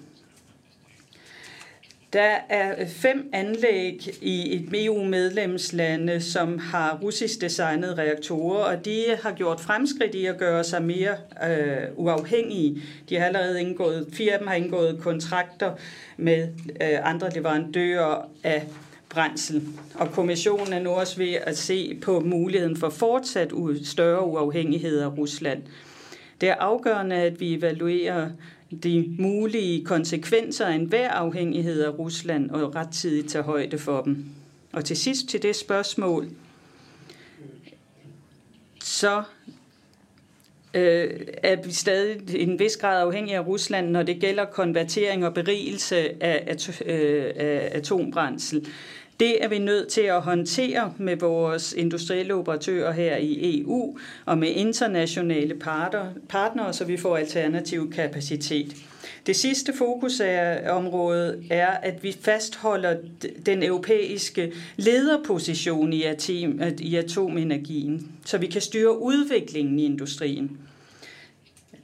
Der er mange offentlige institutioner og kraftværker fra mindst 10 medlemslande, der har vist interesse i nye atomteknologier, som for eksempel de små modulære reaktorer, altså SMR'er, både til produktion af dekarboniseret elektricitet samt andre energiprodukter som fjernvarme eller brint.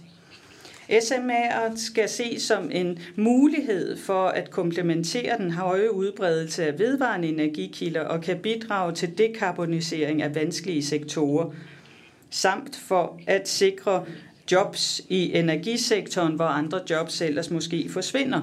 For eksempel når man lukker kulfyrede kraftværker. På EU-niveau har kommissionen aktivt faciliteret processen med at etablere det europæiske SMR-partnerskab siden begyndelsen af 2022.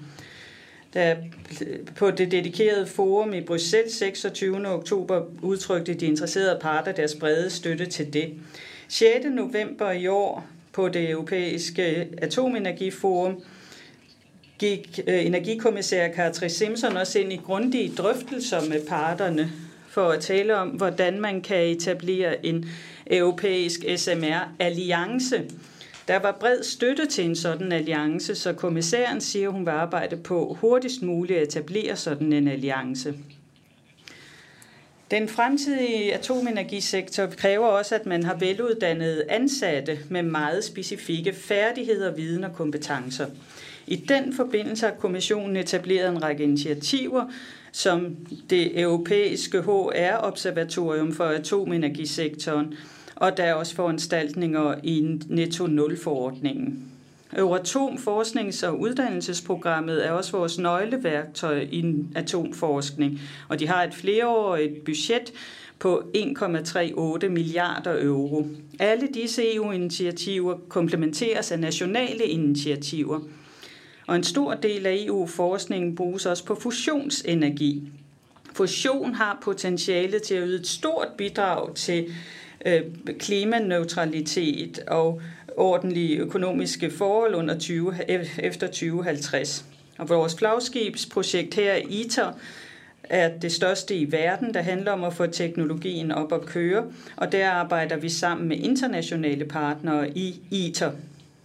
Den samlede investering i fusionsteknologien og især ITER har til formål at skabe en ny energikælde, hvor vi igen respekterer de nationale energimix-beslutninger.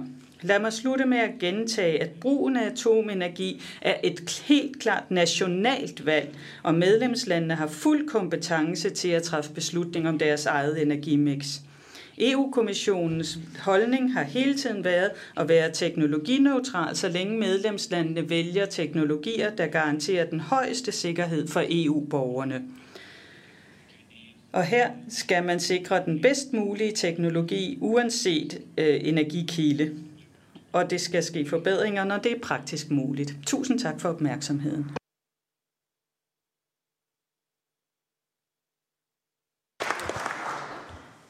Mange tak for dit oplæg, Stefan. Øh, du må meget gerne øh, blive hængende øh, under de næste to oplæg, og også under spørgedebatten, så udvalgets medlemmer kan stille spørgsmål til dig, og du har mulighed for at besvare.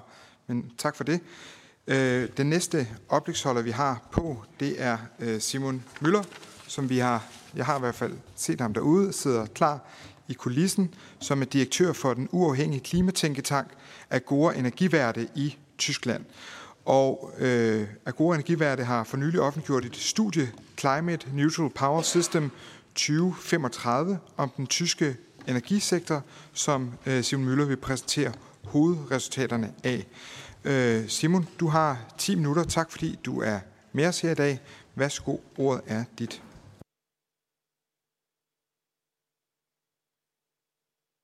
Thank you very much, uh, Chair.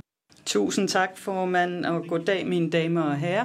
Og tak, fordi jeg får chancen for at præsentere Angora Energivente, som er en uafhængig tænketank med base i Berlin, og jeg vil fortælle om nogle af resultaterne af øh, den, hvad vi har undersøgt om Tysklands vej til klimaneutralitet netop i øh, energisektoren. Emnet for dagens konference er atomenergi, men i den tyske dekarboniseringsstrategi er atomenergi ikke et element, så vi præsenterer vores vej frem øh, med fleksibilitet og vedvarende energi. Jeg går ud fra, at de kan høre mig ordentligt, og jeg ellers får det at vide. Og jeg håber også, at de nu kan se mine slides. Først vil jeg lige kort gennemgå de mål, vi har i Tyskland. I begyndelsen eller i slutningen af 2021 satte vi et mål om øh, 80% vedvarende energi i øh, bruttoelektricitetsforbruget per 2030. Og i de seneste halvandet år er der blevet lavet nogle lovændringer for at accelerere øh, at øh, fremdriften i vedvarende energi. Det gælder for eksempel udbud, og at der er flere stadier, når det gælder at fremme vindenergi, solenergi og især at udbygge elnettet. Vi har set på hele dekarboniseringen af økonomien og set på, hvordan energisektoren kan blive neutral per 2035. Og resultatet af den undersøgelse vil jeg præsentere for jer i de kommende minutter. Lad mig først fokusere på hovedresultaterne af modellen, når det gælder produktionen fra vedvarende energikilder. Det vi ser, at der er øh, ambitiøse mål for hovedelementerne i øh, elsystemet, mens det bliver dekarboniseret. Det består især onshore vind, offshore vind, solceller og til en vis grad øh, vandenergi og bioenergi. Den største bidragyder er onshore vind, hvor vi udbygger kraftigt. Det Tyskland PT. Vi er endnu ikke helt på vej til at nå målene for i år, men der er en række foranstaltninger, som begynder at bære frugt. Og i det her scenarie er det 89 procent, der kommer fra vedvarende energi, og en stor del af det kommer også fra brintkraftværker, som tidligere har brugt naturgas, og nu er ved at gå over til brint. Og i det her scenarie er Tyskland også en nettoeksportør af energi. Så øh, matematisk så når vi altså op på 100% vedvarende energi.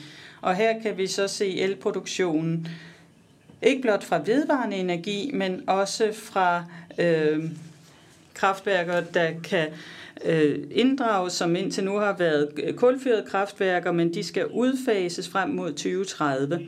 Og lige nu drøfter man i Tyskland, i hvilken grad det er muligt at udfase de kulfyrede kraftværker. Men selv uden en politisk øh, aftale, der, så har vi nu opnået det for den vestlige del af landet, men endnu ikke den østlige del. Og vi kan se i det europæiske handelssystem, så er der altså virkelig også en interesse i at udfase disse kraftværker. Og så vil man gerne opskalere øh, gaskraftværkerne, øh, som altså er ved at blive øh, ombygget til brint. Og vi har lige øh, offentliggjort, at vi også får udbygget infrastrukturen til at kunne levere brint til disse kraftværker.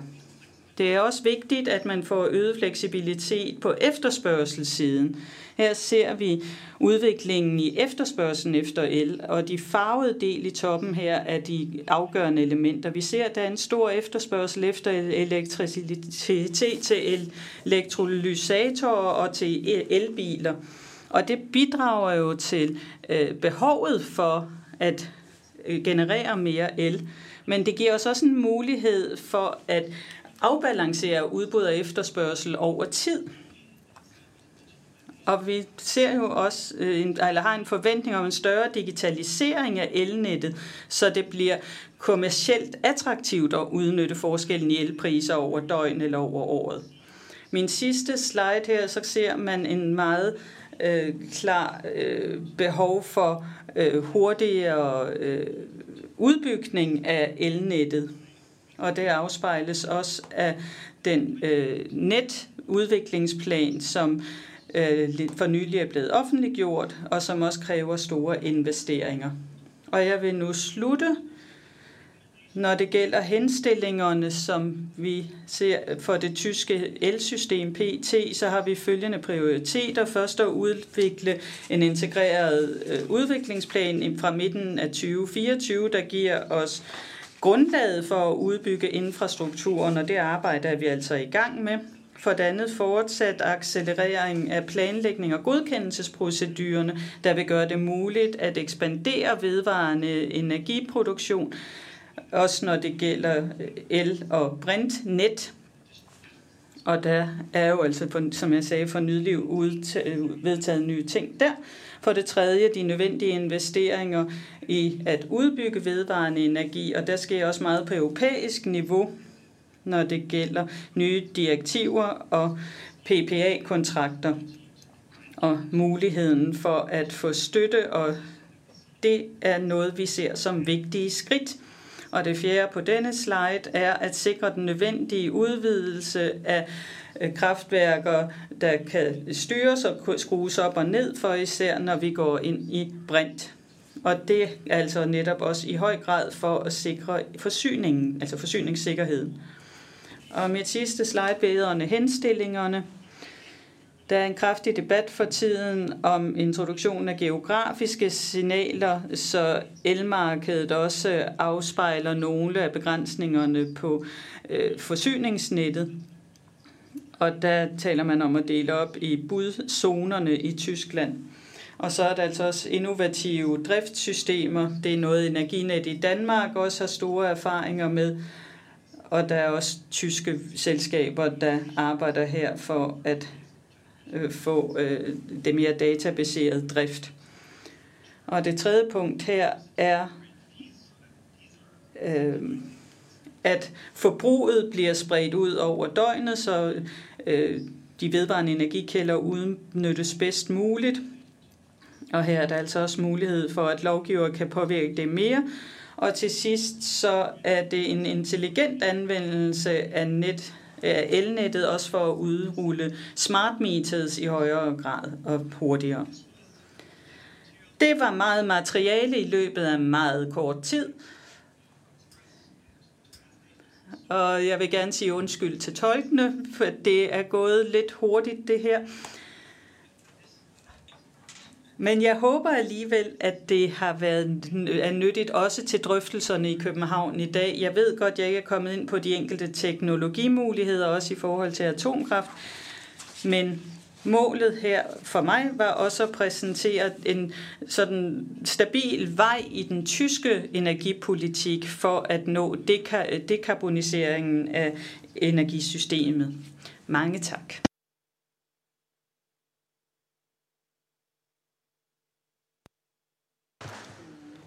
Mange tak for det, Simon. Øh, og øh, dit oplæg øh, vil også blive lagt på Folketingets øh, hjemmeside, så man også kan, kan kigge på det igen efterfølgende. Øh, du må også godt blive hængende under det næste oplæg, og så spørgerunden, så du kan stå til råd for spørgsmål øh, for øh, Folketingets klimaudvalg. Tak for det. Den næste øh, oplægsholder, som vi også er klar derude, det er Martin Johansen, Øh, fordi nu skal vi nemlig høre, hvilken betydning atomkraft har haft for det svenske elsystem, og hvordan man i Sverige vil imødekomme forventninger om fordoblet elforbrug i Sverige som følge af elektrificering. Hvad sker der politisk i dag, og hvilke udfordringer er forbundet med udbygning af svensk atomkraft? Og det kan Martin Johansen, der er chef for enheden for energisystemer i Energimyndigheden i Sverige, sige meget mere om. Og øh, Martin, du har øh, 10 minutter til din rådighed, Øh, og samtidig så vil jeg yes. bede dig om ikke at tale alt for hurtigt. Øh, vi er jo alle sammen skandinaver, og vi skal simpelthen kunne lære at forstå hinanden og tale direkte til hinanden, men øh, vi, vi hjælper lige hinanden på vej her, så ikke alt for hurtigt. Tak for det. Værsgo ordet dit.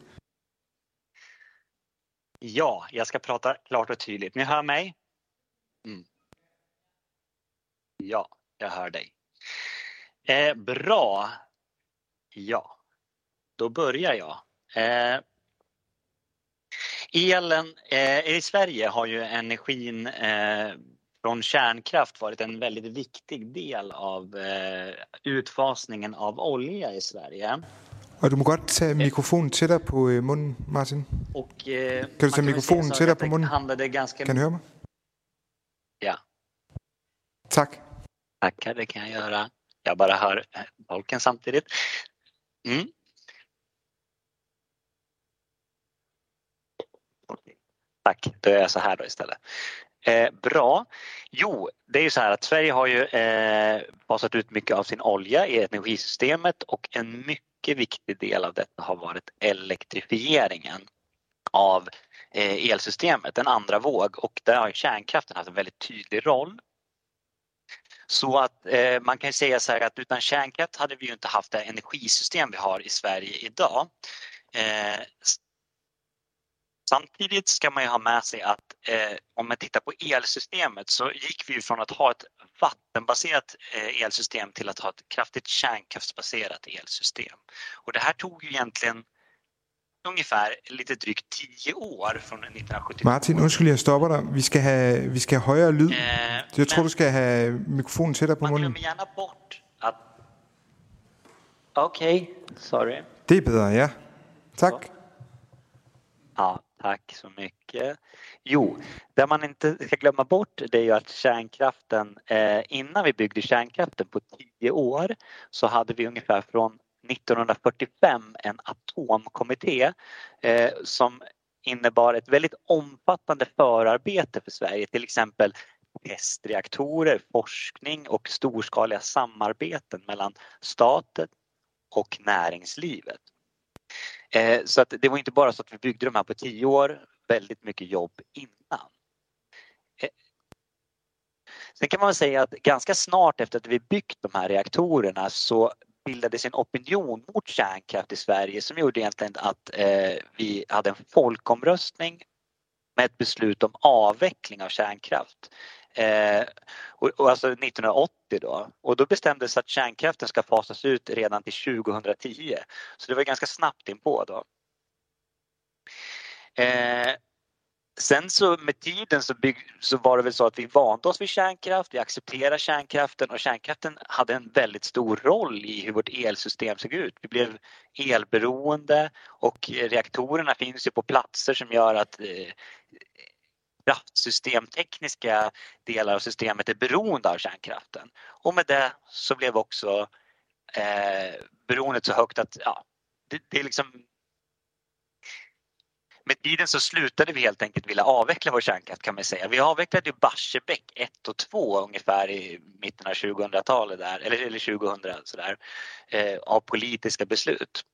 Men eh, de andra, sen efter det så helt enkelt så tog vi bort det här beslutet och med tiden så utvecklades också eh, en sorts eh, ja, eh, tillåtelse att bygga nya reaktorer och eh, man skulle inte få helt enkelt ta bort några mer reaktorer.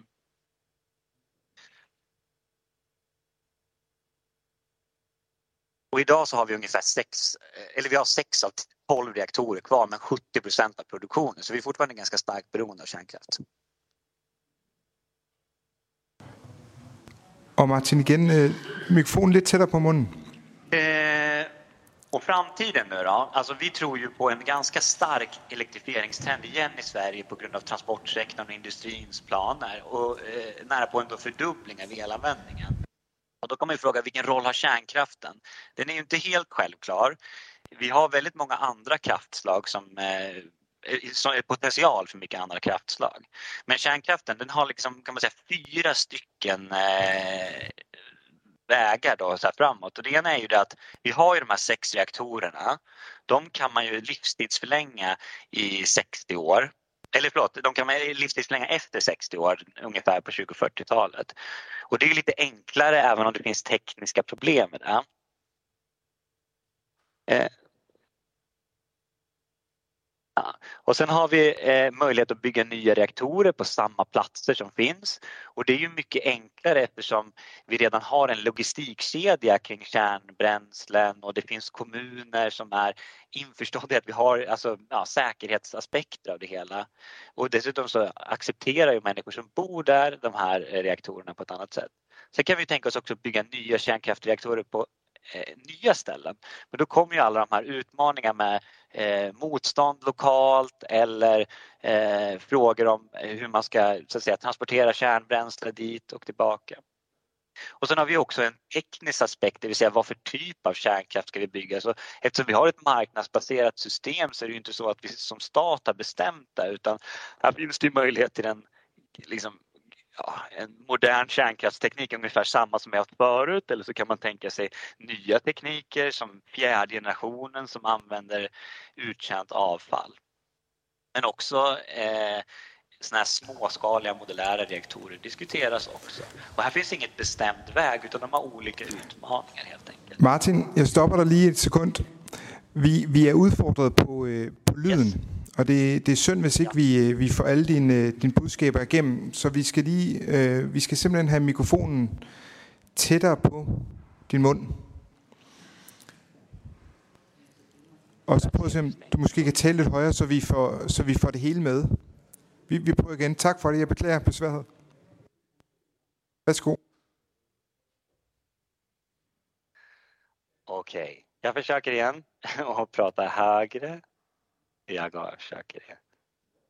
Jag kan försöka prata. Ja, men i alla fall och sen har vi ju eh, andra frågor som kompetensbehov beroende lite grann på Eh, om vi bygger eh, nya kärnkraftsreaktorer eller behåller de gamla så har vi ju ett behov av att eh, skapa kompetens kring kärnkraft.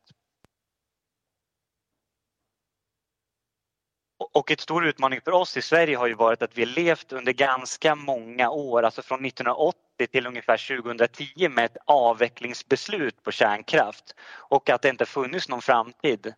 Men nu när det finns en framtid så eh, behöver vi ju samtidigt också eh, bygga upp en kompetens igen kring det här. Och den här kompetensen handlar inte bara om en teknisk kompetens utan det handlar ju också om en samhällskompetens kring hur man hanterar olyckor eller annat. Och att bara söka tillstånd för kärnkraft kräver många människor på myndigheter som kan jobba med de här typen av frågorna. Och det är många sådana här frågor som också tar lång tid att lösa. Och för att bara exempel så säger jag att det tog 70 år för oss i Sverige att gå att bestämma oss för hur vi skulle av eller hur vi skulle eh, vad heter det ja ta, ta, slutbevara vårt kärnavfall i Sverige. Det, det var förra året som vi beslutade om det. Och som sagt, det finns forskning som pågår men den här forskningen är ganska liten i jämförelse med den absolut jättestora forskningen som eh, eh, skedde innan vi byggde våra kärnkraftverk i Sverige, vilket kan man ta med sig då helt enkelt.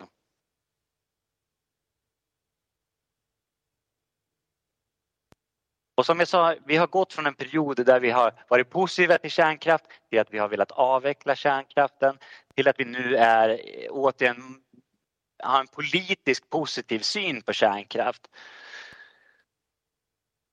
Och eh, det är bland annat energipolitiska beslut om fossilfrihet istället för förnybart. Vi pratar om möjligheten att bygga kärnkraft på nya ställen än de finns idag. Vi har ett tillskott på forskning om kärnkraft och vi har till och med infört kreditgarantier för ny kärnkraft på 400 miljarder. Och sen eh, medel till det så Strålskyddsmyndigheten som jobbar med kompetens eller med tillståndsprocessen för kärnkraft.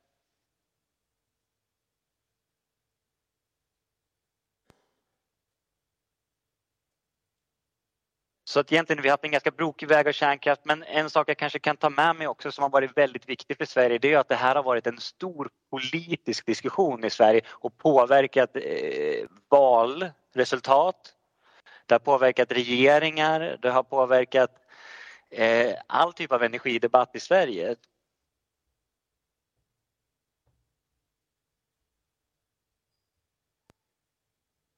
Så att egentligen sedan 70-talet så har vi haft och vi har fortfarande en stor politisk debatt som var högt på agendan på förra valrörelsen. Så att det påverkar hela det politiska systemet att ha kärnkraft, det kan man ha med. Ja, och hur vi gör framöver det är, just nu finns det positiva vindar men det kostar också mycket med kärnkraft, det vet vi. Tak for det. Men samtidigt ger en stabil grund. Yes, ja. tack. Mange tak for det. Vi giver hånd.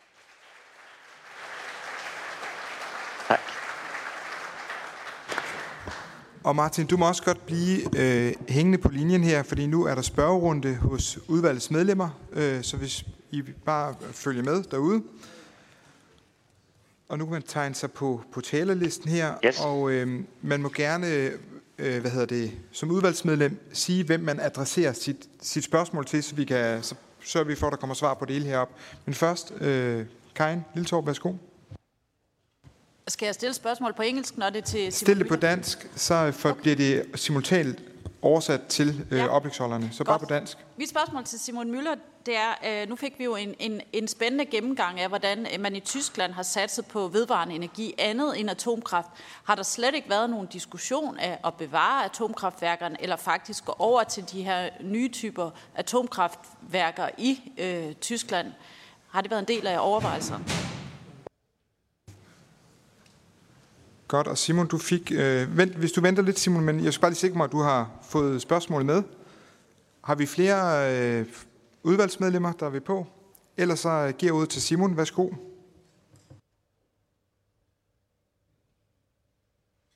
Um, so... Ja, tak.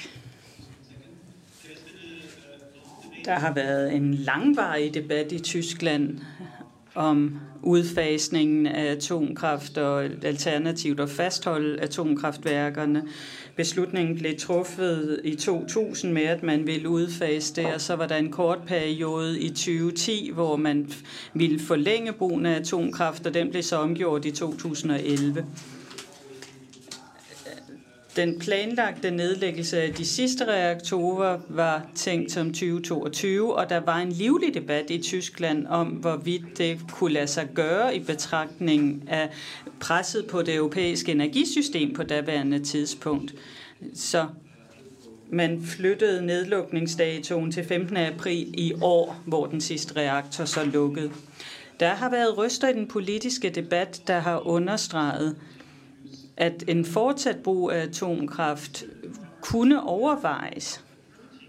Men hvis man ser på godkendelsessituationen i Tyskland og omkostningerne ved at vedligeholde øh, reaktorerne, så ville det faktisk blive vældig omkostningstungt. Og derfor så blev det øh, tydeligt i den politiske debat, at det var ikke fastholdelse af atomkraft, man vil lave. Så som jeg læser situationen nu i Tyskland, så er der bred enighed om at vende atomkraftryggen.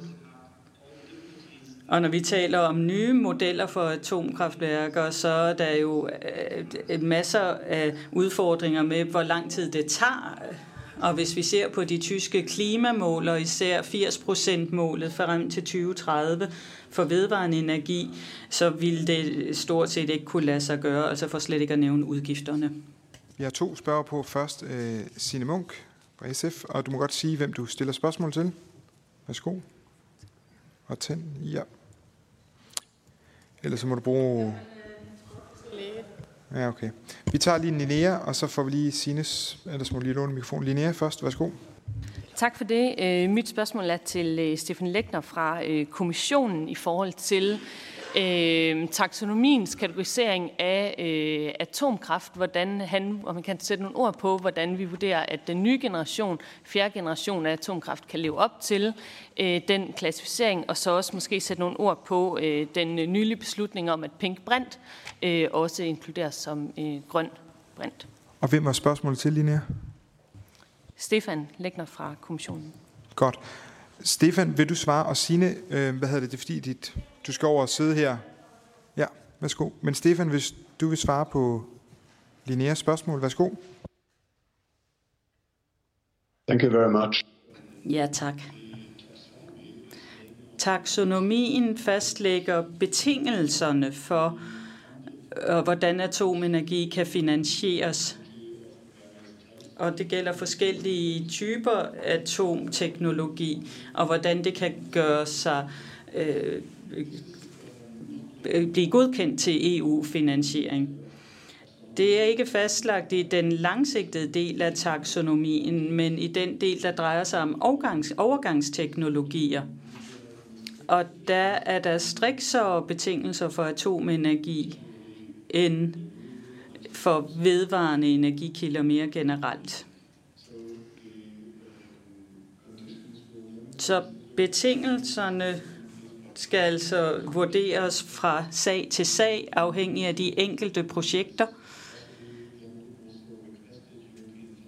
Men det er altså mulighed for at søge europæisk finansiering. Men man kan bare ikke sige, at, at som standard vil der blive givet støttet. Og vi ved, at generation 4-reaktorer vil have øh, andre betingelser, men altså vi prøver at kigge på alle de teknologiudviklinger. Der er også de små modulære reaktorer, og prøver også at se på, hvordan vi kan få en længe levetiden af reaktorer under visse betingelser. Og det er en del af det forslag, som kommissionen har forelagt i et lovforslag, der nu er på bordet. Så spørgsmålet om pink brint, brintproduktionen kan være noget, som også er europæisk interesse for dekarbonisering, og det kan hjælpe meget til at, at lempe konsekvenser i visse sektorer. Der er nogle områder lige nu, som, hvor man ikke så nemt kan udrulle elektrificeringen. Og, men igen afhænger det af, hvordan situationen er fra sag til sag, om brintinfrastrukturen er til rådighed, og om det er noget, der kan finansieres eller være støtteberettiget. Så altså generelt netto, netto 0-forslaget, som er på bordet, og de rammer, der foreslås af kommissionen, er endnu ikke afsluttet. Men den generelle tanke er, at man vil støtte projekter, der øh, producerer brint øh, under visse betingelser, som skal vurderes fra sag til sag. Men hvis det er atomenergikilden, øh, energikilden, så kan den kun støttes som en overgangsteknologi under taksonomien. Og jeg håber, det er nogenlunde klart. Så er det Signe, og du må også godt sige, hvem spørgsmålet er til. Værsgo, Signe. Jeg har et spørgsmål til øh, Martin Johansen fra, øh, fra Sverige. To spørgsmål. Det ene det er, at jeg forstår på den svenske regering, at øh, de har et mål om, at der er øh, atomkraft for svarende til mindst 10 konventionelle reaktorer, som er i drift i 30'erne og 40'erne. Hvor konsolideret er det øh, i brugtagningsskøn, øh, og hvornår vil det ligesom blive konsolideret, hvornår den, øh, den strøm i givet fald vil komme ind i, øh, i svensk øh, energiforsyning. Og det andet spørgsmål, det går på, at jeg er blevet mærke i, at der var et rimelig substantielt sådan, kreditunderstøttelse af atomkraften på, på 400 milliarder. Er der lignende økonomisk understøttelse af andre VE-teknologier, altså øh, solceller øh, og vindmøller i Sverige.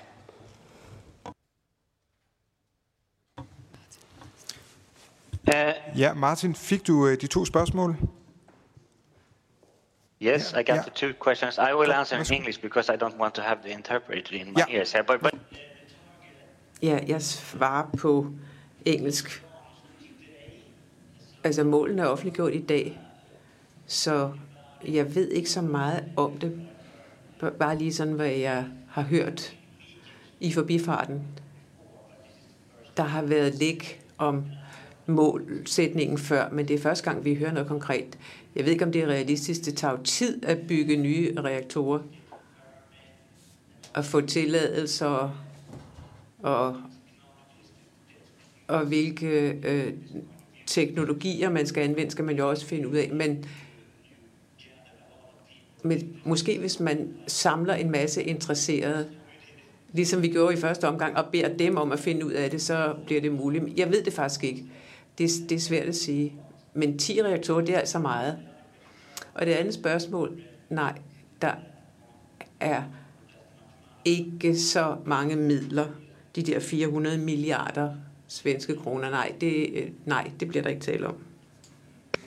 Tak for at få klargjort det til vores tre ja. foredragsholdere. Mange tak for jeres bidrag øh, her i dag. Øh, I, er, I kommer ikke til at være mere med i øh, debatten her øh, i konferencen, øh, så derfor siger jeg også formelt på vegne af udvalget, mange tak for jeres bidrag. I er velkommen til at følge med, hvis I har lyst til det. Øh, men, øh, men ellers øh, tak for, for indsatsen her. Vi holder nu øh, et kvarters pause, hvor at man kan lige strække benene. Hvis man går ud af døren her og går til venstre, så kan man finde et toilet. Hvis man går til højre, kan man finde en kop kaffe. Og så øh, for at respektere tidsplanen her, så er vi tilbage øh, og starter op 14.40. Og man må ikke tage kaffe med ind i den her sal her, fordi den er så gammel og fin, så vi passer godt på den.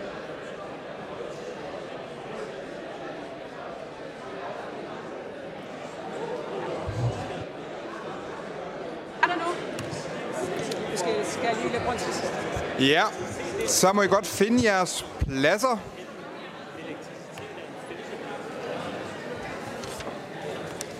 Tak for det. Vi går nemlig videre til blok 3. Blok 3, som jo handler om atomkraft i Danmark og muligheder og udfordringer og i forbindelse hermed. Vores første oplægsholder i den her blok, det er Bent Lautsen, som er sektionsleder på Institut for Fysik ude på DTU. Og Bent har fået øh, 10 minutter. Øh, ja, værsgo. Bent, ordet er dit.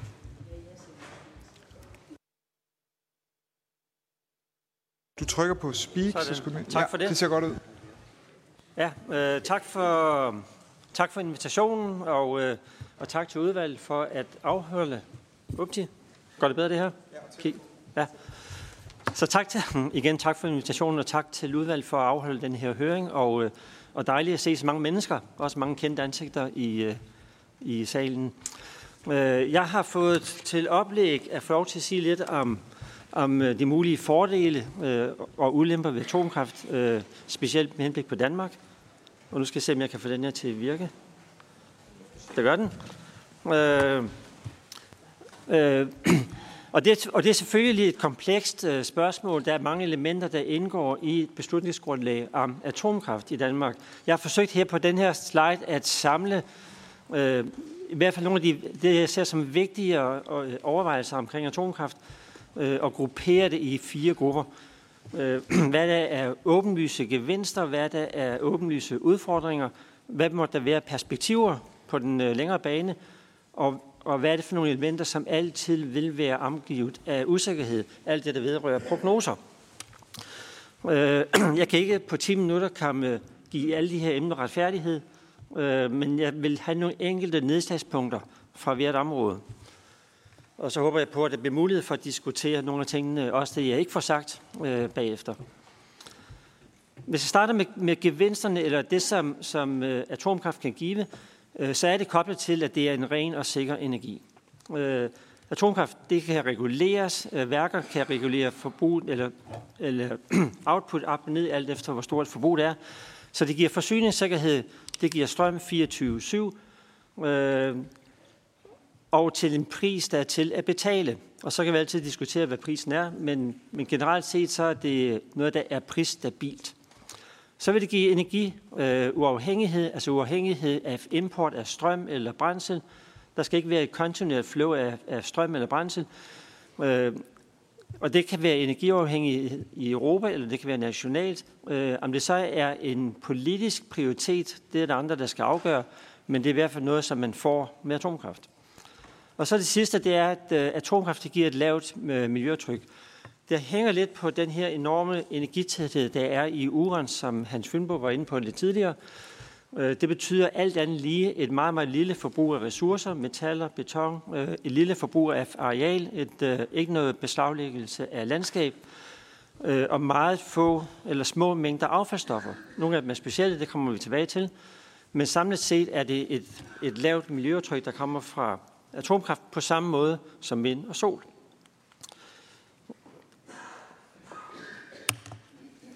Det er illustreret øh, lidt på det her, øh, det her diagram, som sikkert mange af jer kender fra Our World and Data, der vedligeholdes af Oxford University, hvor de stiller det simple spørgsmål, hvad er den sikreste og reneste energikilde, vi kender?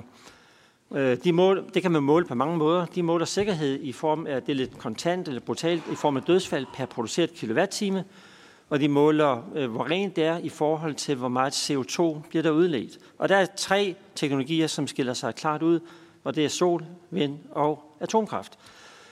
Øh, I sammenligning med de fossile brændsler, altså kul, øh, olie og naturgas, øh, men, men bestemt også biomasse, så vil disse brændsler de vil øh, være mindre rene, og de vil være mindre sikre. EU-kommissionen kom frem til samme resultat for snart to år siden, Øh, da EU-kommissionen besluttede at øh, inkludere atomkraft i taksonomien, som vi hørte om tidligere. Øh, det var et lille smule mudret resultat, der kom frem til. Det blev blandet med, med naturgas, det blev gjort midlertidigt, men det er værd at bide mærke i, at det videnskabelige grundlag for kommissionens beslutning, den kom fra Joint Research Center. Altså Joint Research Center, som er en videnskabelig komité under kommissionen. De lavede en grundig analyse, en komparativ analyse mellem øh, atomkraft og så de teknologier, som allerede var inkluderet i taksonomien, altså listen over bæredygtige investeringer. Øh, og konklusionen fra de her videnskabsfolk, den var usædvanligt klar, hvor de simpelthen siger, that is not uh, any science-based evidence that nuclear energy does more harm to the human health or to the environment, altså det er EU-terminologien, than other electricity production already included in the taxonomy. Og det er vind, og det er sol, og det er geotermi, og det er vandkraft, øh, alt sammen under visse betingelser. Så et meget, et meget klart statement. Udfordringerne, og dem er der bestemt også mange af, Øh, nogle af de vigtige udfordringer er øh, befolkningens accept, eller rettere sagt mangel på accept. Øh, når vi snakker atomkraft, så snakker vi et 100-års projekt. Det tager tid at bygge værket. Det skal gerne stå i 60 eller 80 år, og så skal det nedlægges. Så det er en stor beslutning. Der skal tages beslutning om, hvor det skal placeres. Der skal være, gerne være noget lokal forankring. Øh, og alle disse ting, øh, der er det selvfølgelig vigtigt at have befolkningen med. Øh, det har tidligere været en stor udfordring. Jeg tror nok, at, øh, at politikere er klar over meningsmålingerne. Så befolkningens øh, holdning til atomkraft har skiftet, ikke bare i Danmark, men i stort set alle lande rundt omkring os. Så er der det radioaktive affald. Det kommer ind på lige om lidt. Øh, der bliver produceret små øh, mængder af højaktivt affald. Det er det, der er det farlige affald. Og der skal findes en sikker måde at håndtere det på. Hvis vi skal have atomkraft i Danmark, så skal vi opbygge kompetencer. Vi har ikke de tilstrækkelige kompetencer i dag. Der skal simpelthen uddannes folk. Der skal være folk i, til industrien, øh, til leverandører, underleverandører, til elselskaber og til myndigheder, som skal kunne øh, give licens til værk og skal kunne føre tilsyn og kontrol. Og alle disse mennesker, de skal, have, øh, de skal klædes på. og de skal simpelthen have de tilstrækkelige kompetencer. Det radioaktive affald – Øh, jeg vil påstå, at vi kender den tekniske løsning, øh, og vi har gjort det i rigtig mange år. Øh, det er det billede fra, det, fra den øh, svenske SKB, som sidder her ved siden af mig. Det kan være, at du viser samme slide om lidt. Øh, men den svensk-finske model for øh, slutdeponering af det farlige affald. Det skal indkapsles, det skal deponeres øh, ned i, i undergrunden, den svenske model siger ca. 500-600 meter under jordens overflade, hvor det så skal øh, forsejles, øh, sådan at det ikke kan komme i kontakt med biosfæren, altså med mennesker og miljø. Udfordringen i en dansk kontekst vil være at få noget tilsvarende tilpasset og implementeret i Danmark.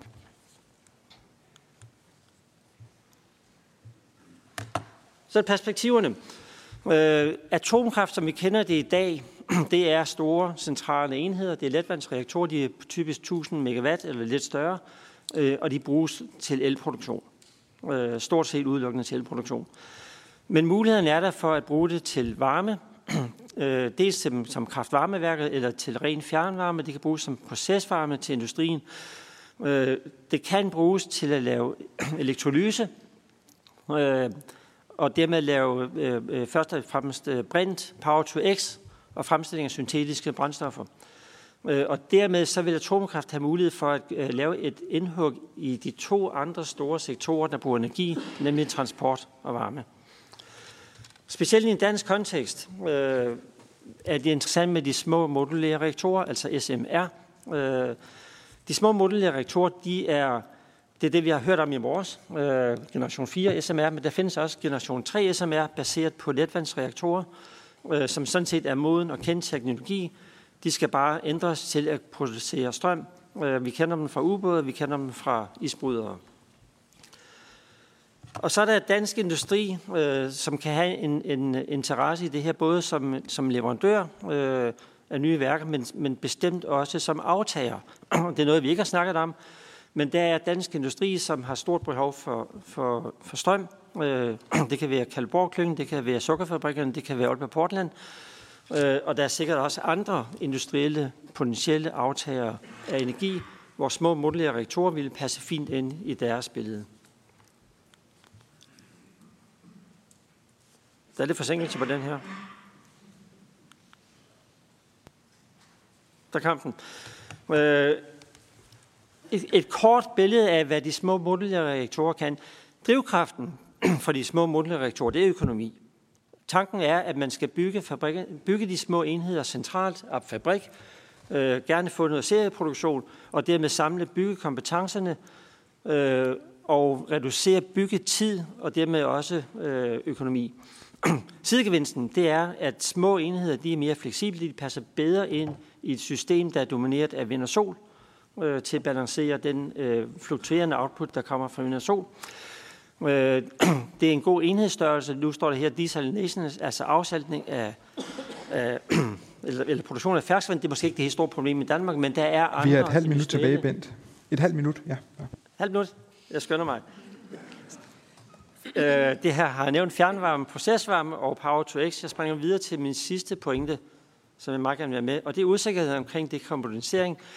Øh, vil vi nå vores ambitiøse klimamål enten med eller uden kernekraft? Øh, jeg tror, det er tvivlsomt, specielt hvis vi tager biomasse med som en CO2-ledning, så bliver det meget svært at nå vores, bio, vores øh, klimamål uden at bruge atomkraft. Og det sidste slide, det er om økonomi. Øh, det her det er en samling, det er en, fra en hollandsk rapport fra et rådgivende organ til den hollandske regering og parlament. Øh, Splitstof, jeg skal nok være med at udtale navnet på det hollandske råd. Men de har samlet i den her diagram øh, 13 forskellige øh, analyser, der er lavet for nylig af, vil atomkraft i et energisystem gøre et energisystem billigere, eller vil det gøre det dyrere, under forudsætning af, at det er dekarboniseret. Ja. Øh, hvis man skal tage en konklusion fra det her, så er det, at der er stor usikkerhed på de enkelte målinger, øh, men konsensus er, at, øh, og det er diagrammet søjlen til højre, at atomkraft i energiforsyningen vil samlet set gøre energiforsyningen billigere. Tak for det. Bent, giv en stor hånd. Bent.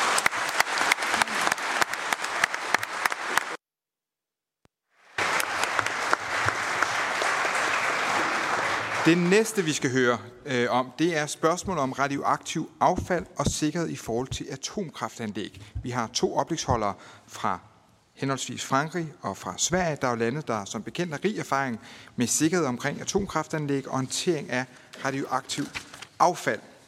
Og den første oplægsholder, og jeg undskylder, at jeg ikke er så stærk i den franske udtale, det var ikke lige noget, vi, vi dyrkede i slagelse, det var tysk og engelsk osv., men øh, nu prøver jeg. Thierry de la Roche Lambert, undskyld, på forhånd, som er emeritus associate professor og forsker ved Energy Department of the FEMTO Institute i Frankrig. De er med på Teams og vil øh, holde sit oplæg på engelsk, og der er altså mulighed for, hvis man hellere vil have det på dansk, at man kan øh, få det her på, og øh, når det bliver sendt ud i æderen derude, så øh, vil det være oversat på dansk. Men velkommen til. Vi har øh, 10 minutter øh, til foredrag her. Vi er meget glade for, at du kan være med. Ordet er dit. Thank you. Thank you. Mange tak. Jeg er meget beæret over at blive inviteret med til at kunne tale om nogle af de forskellige problemer, som findes i forbindelse med oplagring og håndtering af atomaffald, først og fremmest i Frankrig. Er det sådan, at, man, at mine slides kommer op på en skærm i lokalet? er ikke på skærmen. Du skal selv øh, få den op øh, på skærmen. Okay. Hvis du får den op på skærmen, så øh, kan vi se den. Okay, okay. I will try. Jamen, det prøver jeg så lige at få arrangeret. Jeg må lige finde ud af det her. This is... So, can you see? Nu håber jeg. Ja, tak for det. Yeah, okay. So, Fint.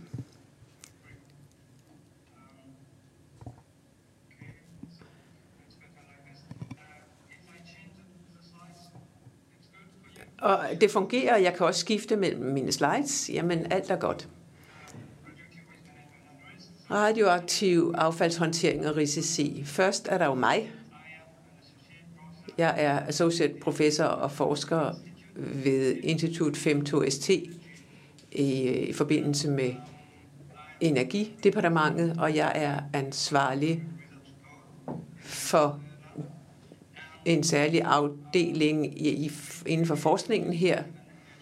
Jeg beskæftiger jeg er også medlem af energisystem og energiovergangsholdet på øh, vores institut, og så har jeg også en Ph.D., skulle jeg måske lige nævne. Jeg har været involveret i forskellige øh, råd og organer i Frankrig, og jeg har været med i informationsmissionen i forbindelse med lukning af Fessenheim, af reaktorerne, reaktoren.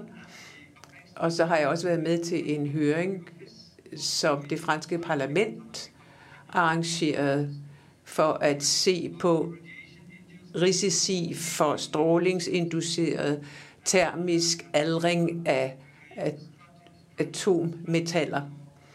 Og så arbejder jeg også med den franske strategi for energi og klima. Og så har jeg en række hovedområder, jeg arbejder inden for.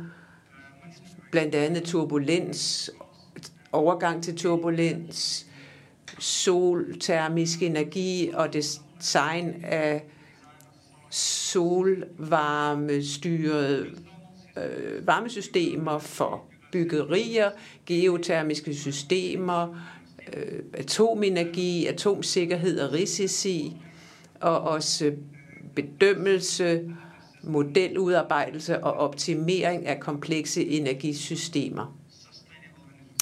Og så arbejder jeg også med bæredygtige energisystemer.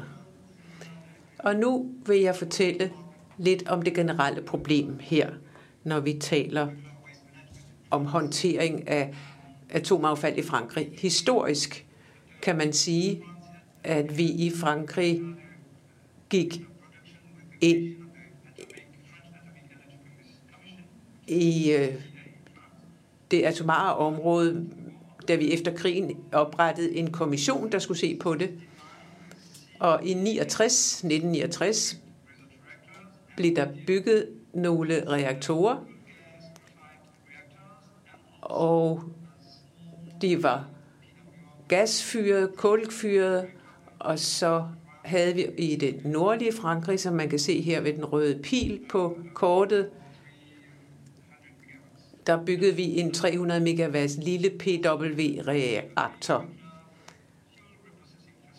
Og så har vi også i nærheden af Le Hague oppe i det nordlige Normandie, der har vi bygget en stort anlæg til behandling af radioaktivt affald. Fra 74 til 99, der blev der bygget, og der blev i ordre sat 58 af disse øh, trykvandsreaktorer. Og det var på en størrelse af mellem 900 megawatt og 1,4 gigawatt. Og så var der også en øh, anden reaktor, en, en hurtig formeringsreaktor, der blev bygget. Og så i 79 skabte man så andre, som er det nationale agentur for radioaktivt affald, som etableret under CEA, som er den franske atomenergikommission. Og det blev så besluttet, at man skulle have en særlig kommission for håndtering af radioaktivt anfald, således at det kunne føre til en, et forslag til lovgivning. Og vi fik så på et tidspunkt også lovgivning, som handlede om forskning, og som baserede sig på forskning inden for håndtering af radioaktivt affald. Man besluttede sig for, at der skulle være tre strenge inden for den forskning, der skulle bedrives. Det skulle være separationstransmutationslinjen, det skulle være dyb geologisk opbevaring og langsigtet overfladeopbevaring. Og så i 2000 besluttede man sig for at bygge et forskningslaboratorium under jorden. Blot et, altså.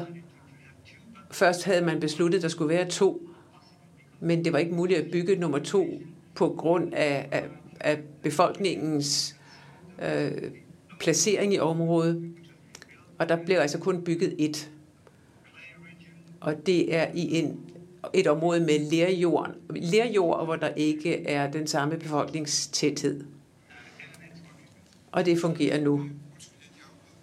Og det er ikke for at skynde, jeg bare sige, at vi er halvvejs i tiden. Der er fem minutter tilbage, bare til, så, så du ved det.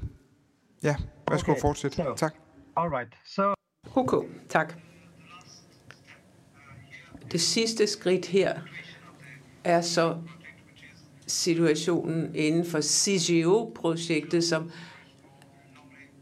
handler om øh, den langsigtede opbevaring af nukleart affald. Så ændrer jeg lige slides her, så vi kommer herover. Og her kan man se den overordnede proces. Jeg har ikke tid til at gå ind i detaljerne, men her kan man altså se, at på hver skridt i cyklusen, der har man forekomst af en eller anden form for affald. Og her kan man se den nationale liste over affaldstyper. Man ser dem ude til venstre, og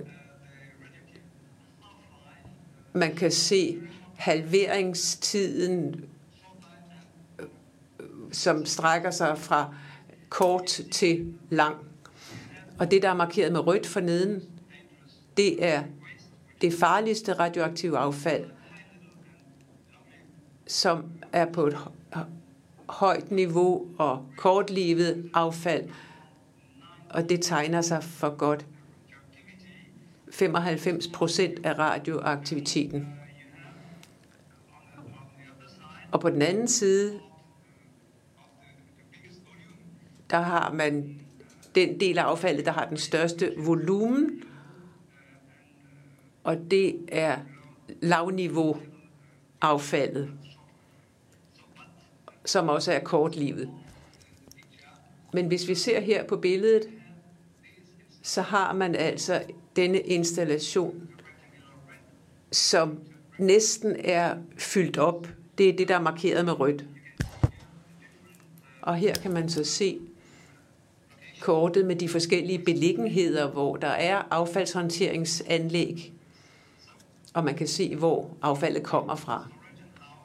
Hvordan sker oplæring så? Ja, for lavniveau og mellemniveau øh, affald,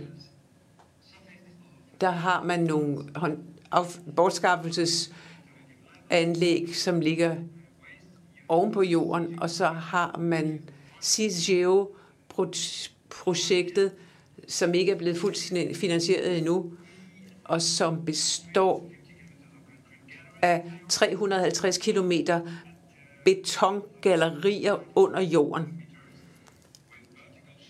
Og der er så nogle vertikale skakter, og hvor man kan se, man kan se øh, hvordan beliggenheden er. Og det er altså noget, der skal kunne blive reversibelt over en periode på 100 år. Hvad er så risiciene og usikkerhederne? Det har jeg skrevet op her på en liste. Og øh, den kommer fra mine egne studier, men også øh, fra en rapport udgivet af de franske miljømyndigheder for ganske kort tid siden, og hvor man kan se, der er problemer med den termiske ustabilitet i de begravede, man kalder det pakker eller containere. Og så kan man se, at der har været en alvorlig ulykke i et projekt i Frankrig, som øh, resulterede i en brand i, i noget kemisk øh, affald. Og så var der også en radioaktiv affaldsulykke i en saltmine i 2014.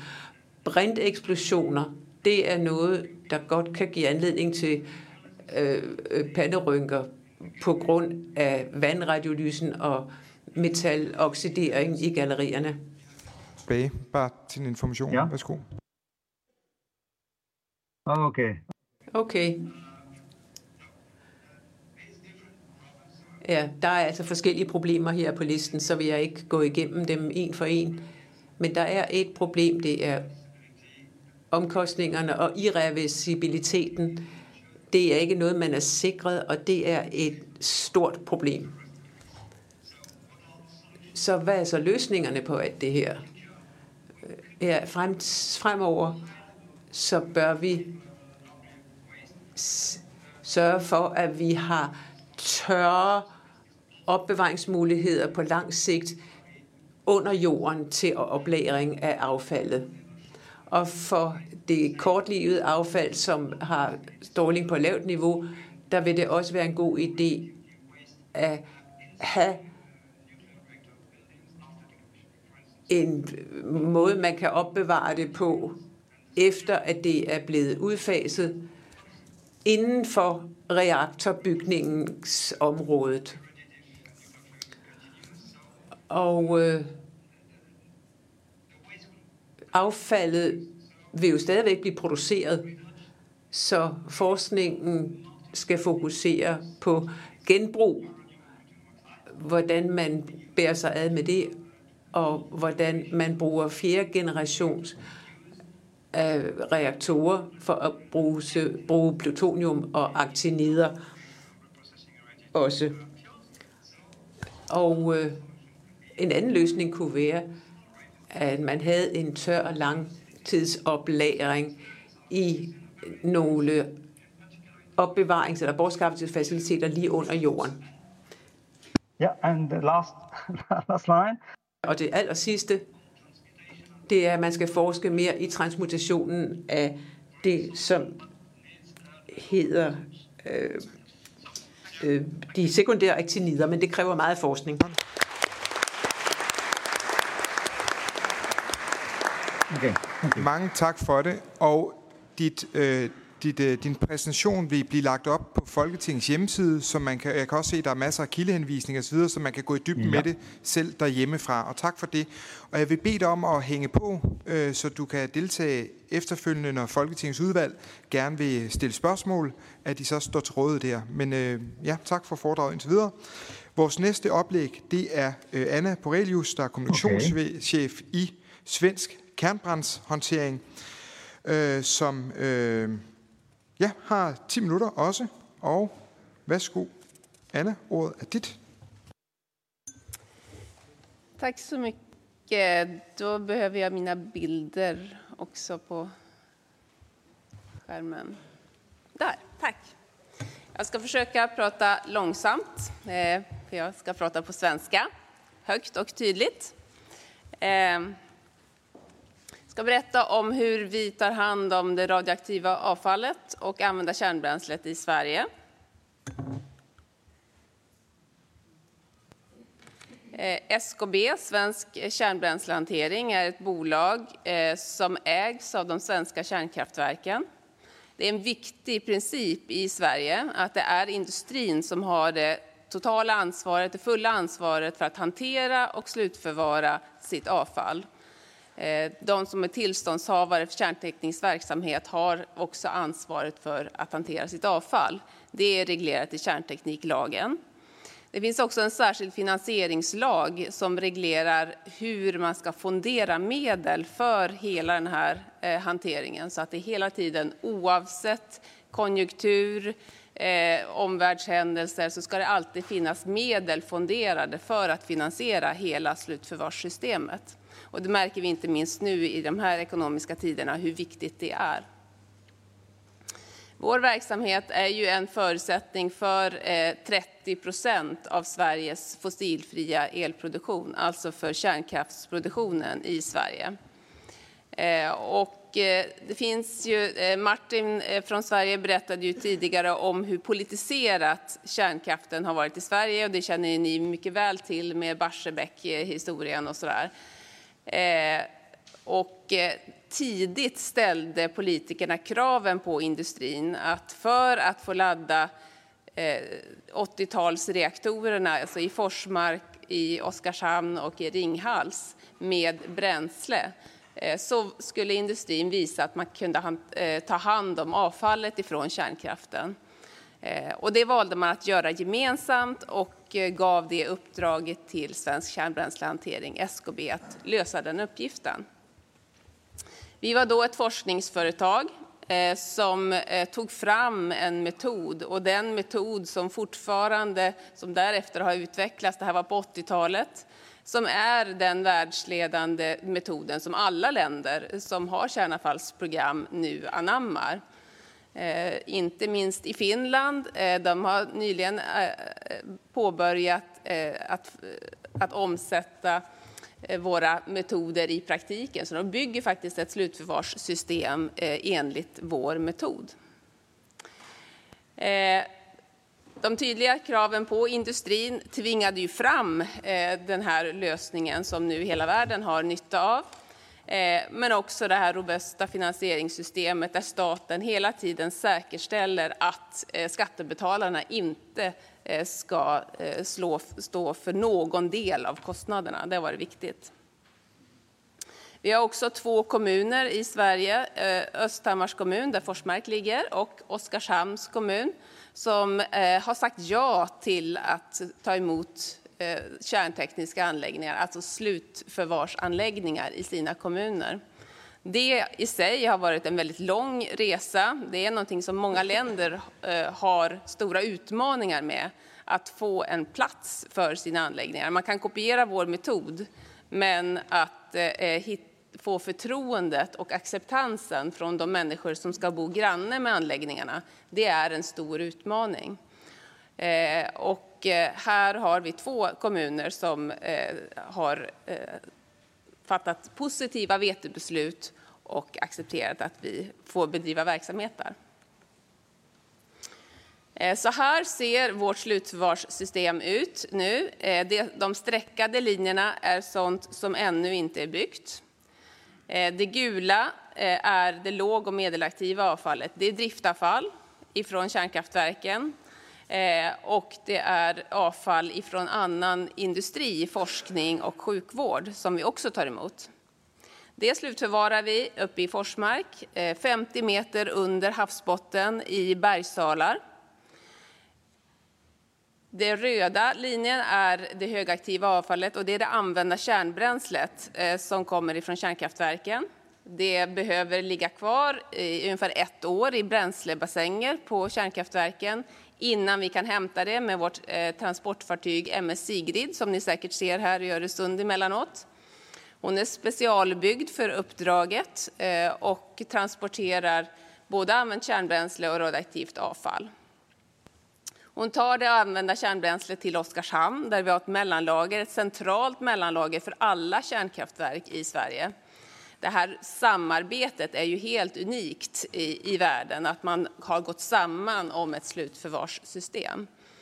Eh, och I Oskarshamn så har vi två eh, stora underjordiska simbassänger, kan man säga, bränslebassänger, där allt eh, avfall från det svenska kärnkraftsprogrammet finns ända från 60-70-talet när det var på forskarstadiet till ända fram till idag. Så det här är väldigt yteffektivt. Då. Eh, där har vi tillstånd att eh, lagra in 11 000 ton använt kärnbränsle. Och det räcker. Eh, längst till höger så ser ni en skiss på slutförvaret för använt kärnbränsle som vi har fått regeringstillstånd att bygga uppe i Forsmark. Eh, och vi siktar på att eh, börja eh, spränga i berget där uppe år 2027. Eh, Eh, vår metod för att eh, hantera det använda kärnbränslet är att vi, eh, bränsleelementen som ni ser längst till vänster placeras i kopparkapslar. Eh, de bäddas in med bentonitlera som är en vulkanisk aska, lera, som finns naturligt och som sväller när det kommer i kontakt med vatten och skyddar kapseln från rörelser och från att vatten kommer fram till kapseln. Och det här placeras sedan då 500 meter ner i urberget i Forsmark. Och det är 1,9 miljarder år gammalt, det berget. Och det är väldigt torrt. Eh, det är viktigt och det är en väldigt eh, lugn plats för en, ett slutförvar på så sätt. Det finns eh, inga större rörelser i berget som kan störa och vi har en, ett torrt berg. 500 meters djup placerar vi på eftersom eh, det här ska ju hållas åtskilt från människa och miljö i hundratusen år. Eh, det är inte livsfarligt i hundratusen år, utan efter tusen år ungefär så kan ni hålla det i handen, eh, men ni ska inte få in det i kroppen. Eh, under de här hundratusen åren så kommer vi ha istider här uppe i den här delen av världen. Eh, och då kom, eh, får vi permafrost som växer till. Det blir kallt och och eh, den når inte ner till 500 meters djup. Eh, och eh, under en istid så trycks ju berget ner. Eh, under 10 000 år kanske, 20-30 000 år. Och när isen smälter av, då vill ju berget börja röra på sig och då blir det rörelser i berget. Och på 500 meters djup så blir inte rörelserna lika omfattande som på, Eh, på ytan. Här är bilder från våra kärntekniska anläggningar som vi har idag. Eh, Vår finansiering det är våra ägarbolag. Här säkerställer staten att ägarna tar sitt ansvar. Eh, de betalar en avgift per producerad kilowattimme till en statlig fond som heter Kärnavfallsfonden. Och sen ansöker man om medel ur den fonden för att kunna bygga de här anläggningarna, för att kunna driva mellanlager, transportsystem och så vidare. Det här eh, fungerar väldigt väl och vi har 73 miljarder kronor i den här fonden just nu. Det här visar hur starkt stöd vi har i de här två kommunerna. 86 procent är för slutförvarsanläggningar i Oskarshamn och eh, lika många i Östhammars kommun där Forsmark ligger. Det här har varit väldigt stabilt över tid. Och eh, det här är resultatet av ett väldigt omfattande eh, dialogarbete och kunskapsuppbyggnad och eh, väldigt stort engagemang från många aktörer i Östhammars kommun, inte minst myndigheter och ideella organisationer. Vår erfarenhet eh, är att ett högt förtroende för eh, kärnavfallsorganisationen, i det här fallet SKB, eh, är helt avgörande för att man ska få allmänhetens förtroende att driva den här typen av verksamhet i deras kommun. Det är också viktigt eh, med högt förtroende för eh, myndigheter, i vårt fall Strålsäkerhetsmyndigheten i Sverige och i Danmark, så har eh, ju allmänheten väldigt stort förtroende, högt förtroende för myndigheter. Anna, du har sådan ett, ett minut tilbage. Ja. Værsgo. Och robusta finansieringen är eh, också helt avgörande. Ja, då var min tid ute egentligen. Men det, det, vi kan säga är ju ibland så, kommer ju, eh, så hör vi argumentet när man talar om ny kärnkraft att det inte finns någon lösning på avfallet. Eh, vi har en lösning eh, och eh, det är eh, en lösning som, om, som hela världen nu tar del av på olika sätt. Man anpassar det till sina lokala förutsättningar, men vi har en lösning på avfallet. Mange tack.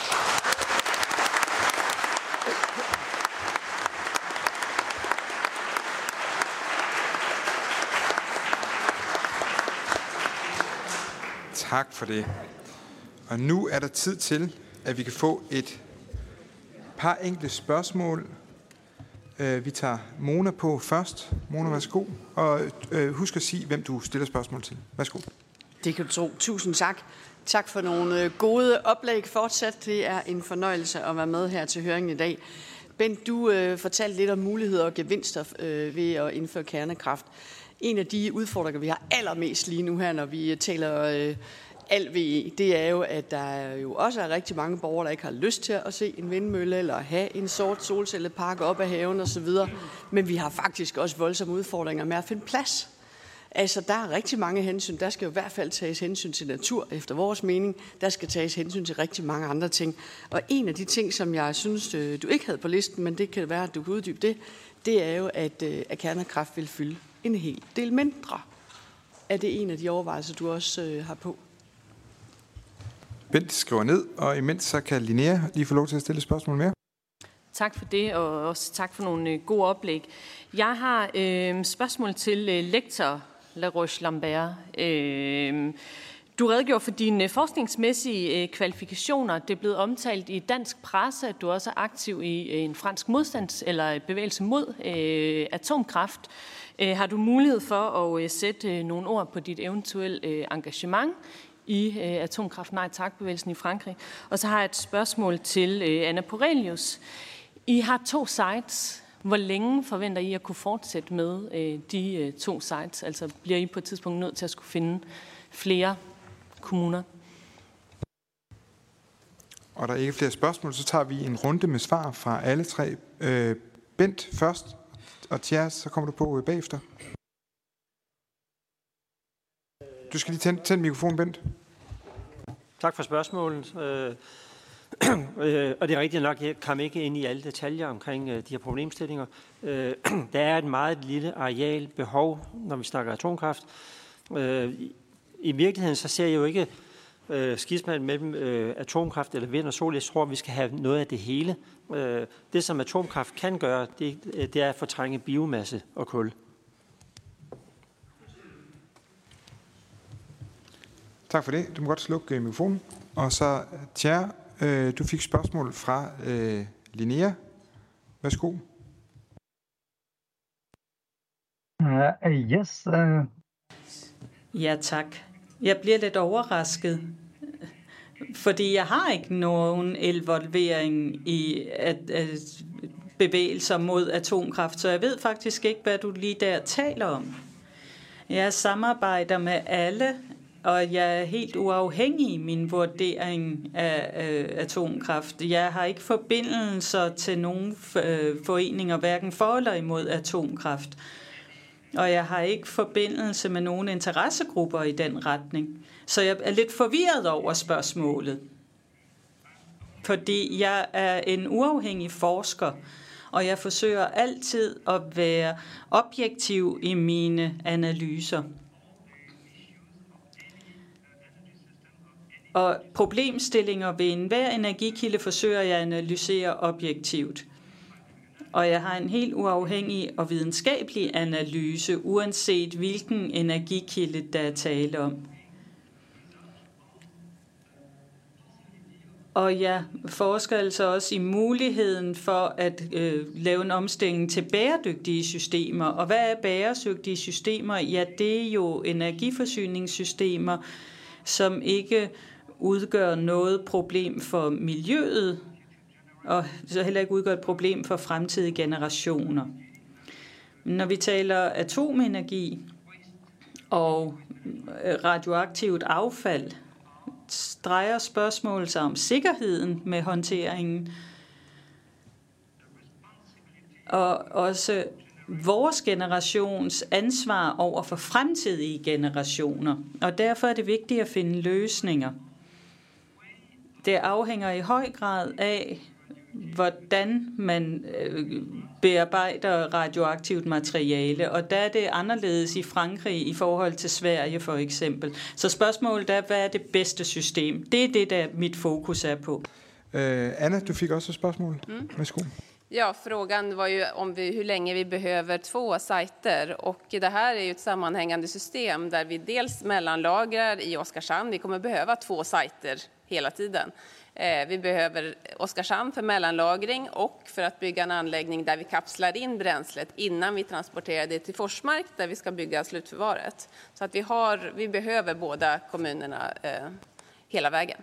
Och just nu så beräknar vi att eh, bedriva verksamhet fram till år 2090. Så att eh, vi, hopp, vi behöver dem hela vägen. Mm. Tak for det, og Anna, du må også slukke mikrofonen. Øh, Morten, et kort spørgsmål, og... Ja, mig. Tak. Det var ganske kort til, øh, til Ben Lauritsen. Øhm, du siger, at det bedste vil være et mix af vind, sol og kernekraft. Vi ved, at vind er meget problematisk. Det er svært at få op på havet osv. Mange er utilfredse med det på land.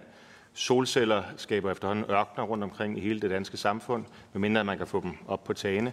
Så hvad er argumentet for, at når teknologien, som vi har fået den præsenteret i dag, er klar, jeg forstår i stedet med 25 og 28, at man ikke siger vind og sol, det var fortidens teknologi, og vi kører med ren kernekraft?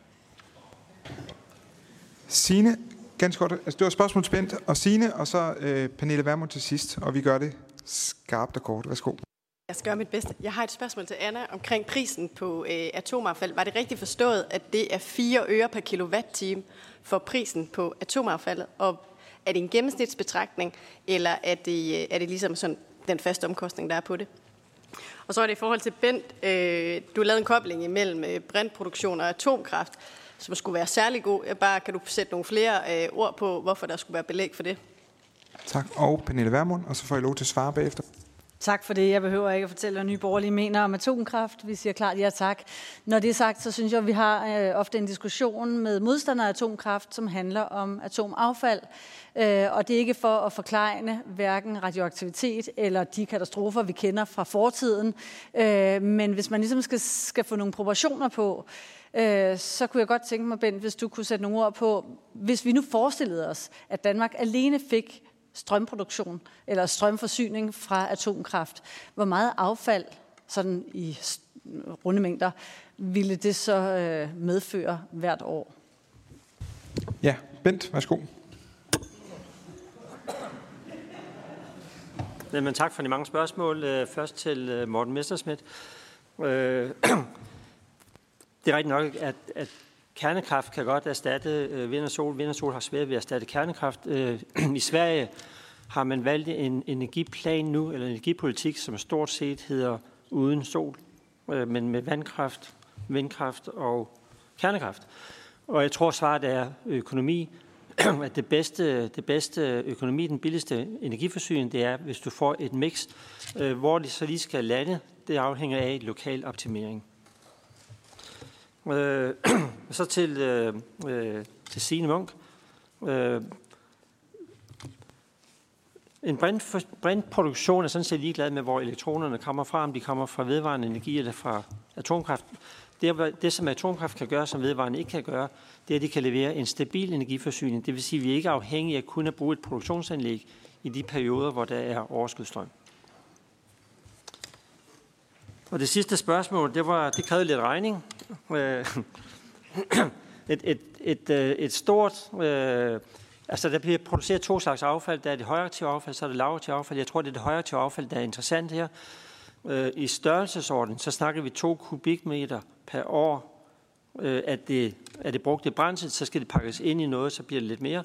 Men den størrelsesorden per værk. Hvor mange skulle der være i Danmark? Der skulle være nogle stykker. Og så Anna, der var et spørgsmål til dig fra Signe. Mm. Ja, 4 öre per eh, producerad kilowattimme, det betalar våra ägare just nu. Eh, och det läggs inte på elpriset, utan oavsett vad elpriset är så är det våra ägare som betalar det till den här fonden. Och det är ju en egen fondering för framtida kostnader. Eh, och det är regeringen som fattar beslut om den, hur stor den avgiften ska vara. Och det grundar sig på en kostnadsberäkning som vi gör var tredje år som sedan granskas av en myndighet som föreslår en avgiftsnivå till eh, regeringen. Då. Så att det är väldigt väl kontrollerat och eh, säkerställt och att statens risk ska vara obefintlig i det här systemet. Tak for det. Vi siger tak til vores tre øh, foredragsholdere. Vi er meget glade for, at I stiller jer til rådighed øh, i den her høring her. Vi går nu videre til øh, blok 4, og også, og Ja, du er meget velkommen til at følge med. Der bliver desværre ikke oversat til engelsk resten af høringen her, men du har mulighed for at, at kunne følge med. Øh, ja. Så godt du nu kan, men tak for bidraget. Det er jo ikke verdens bedste tilbud, det kan jeg godt se her.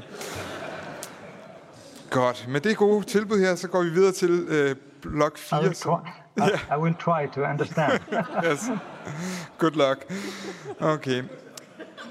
Vi er nået til blok 4, som handler om fremtidens energisystem i Danmark. Og vores første oplægsholder, det er Anders Bagnøj Hansen, som er chefingeniør i Energinet. Og vi fortæller lidt omkring, hvordan Energinet som systemansvarlig i Danmark for el, gas og brint planlægger systemerne til at håndtere omstillingen til et energisystem baseret på vedvarende energi med fokus på 2030-målsætningen og det langsigtede mål om klimaneutralitet i 45. Og Anders, du har også 10 minutter. Værsgo, ordet er dit. Tak for det. Øhm, jeg vil starte med lige kort at sige lidt mere omkring Energinet. De er det hedder systemansvarlige for el- og gassystemerne i Danmark, øh, og får også en central rolle i et potentielt kommende brintsystem. Og vi planlægger og driver de her systemer med fokus på at indpasse den vedvarende energi og sikre forsyningssikkerhed, og også sikkert den adgang til markederne. Øhm, når vi planlægger vores øh, udvikling af de her systemer, så er det under de gældende politiske rammer, og der fylder 2030-målet om 70% reduktion af drivhusgasudledninger en central rolle, og det gør det langsigtede mål om klimaneutralitet også. Derudover så har vi fra udstukket fra Energistyrelsen øh, nogle mere detaljerede analyseforudsætninger, som vi planlægger de her systemer under. Øhm, det er en, en del af det vil jo være en øh, om, som siger, omstilling for at nå de her overordnede mål, og det betyder for at blive uafhængig af fossile brændstoffer, at der skal ske en kraftig elektrificering. Vi har meget store vindressourcer i Danmark, og en del af at få dem bragt i anvendelse er en, en direkte elektrificering, som man kan se her på venstre side af, af sliden med, med varmepumper til opvarmning, øh, elbiler til let transport, øh, el til industriel procesvarme med varmepumper, øh, og også i en vist omfang el til tung transport. Men jo længere vi kommer over mod højere, jo sværere bliver det også at lave den her direkte elektrificering. Og der begynder den her teknologi øh, med at bruge el til at lave, at lave brændstoffer med Power to X og fylde øh, mere.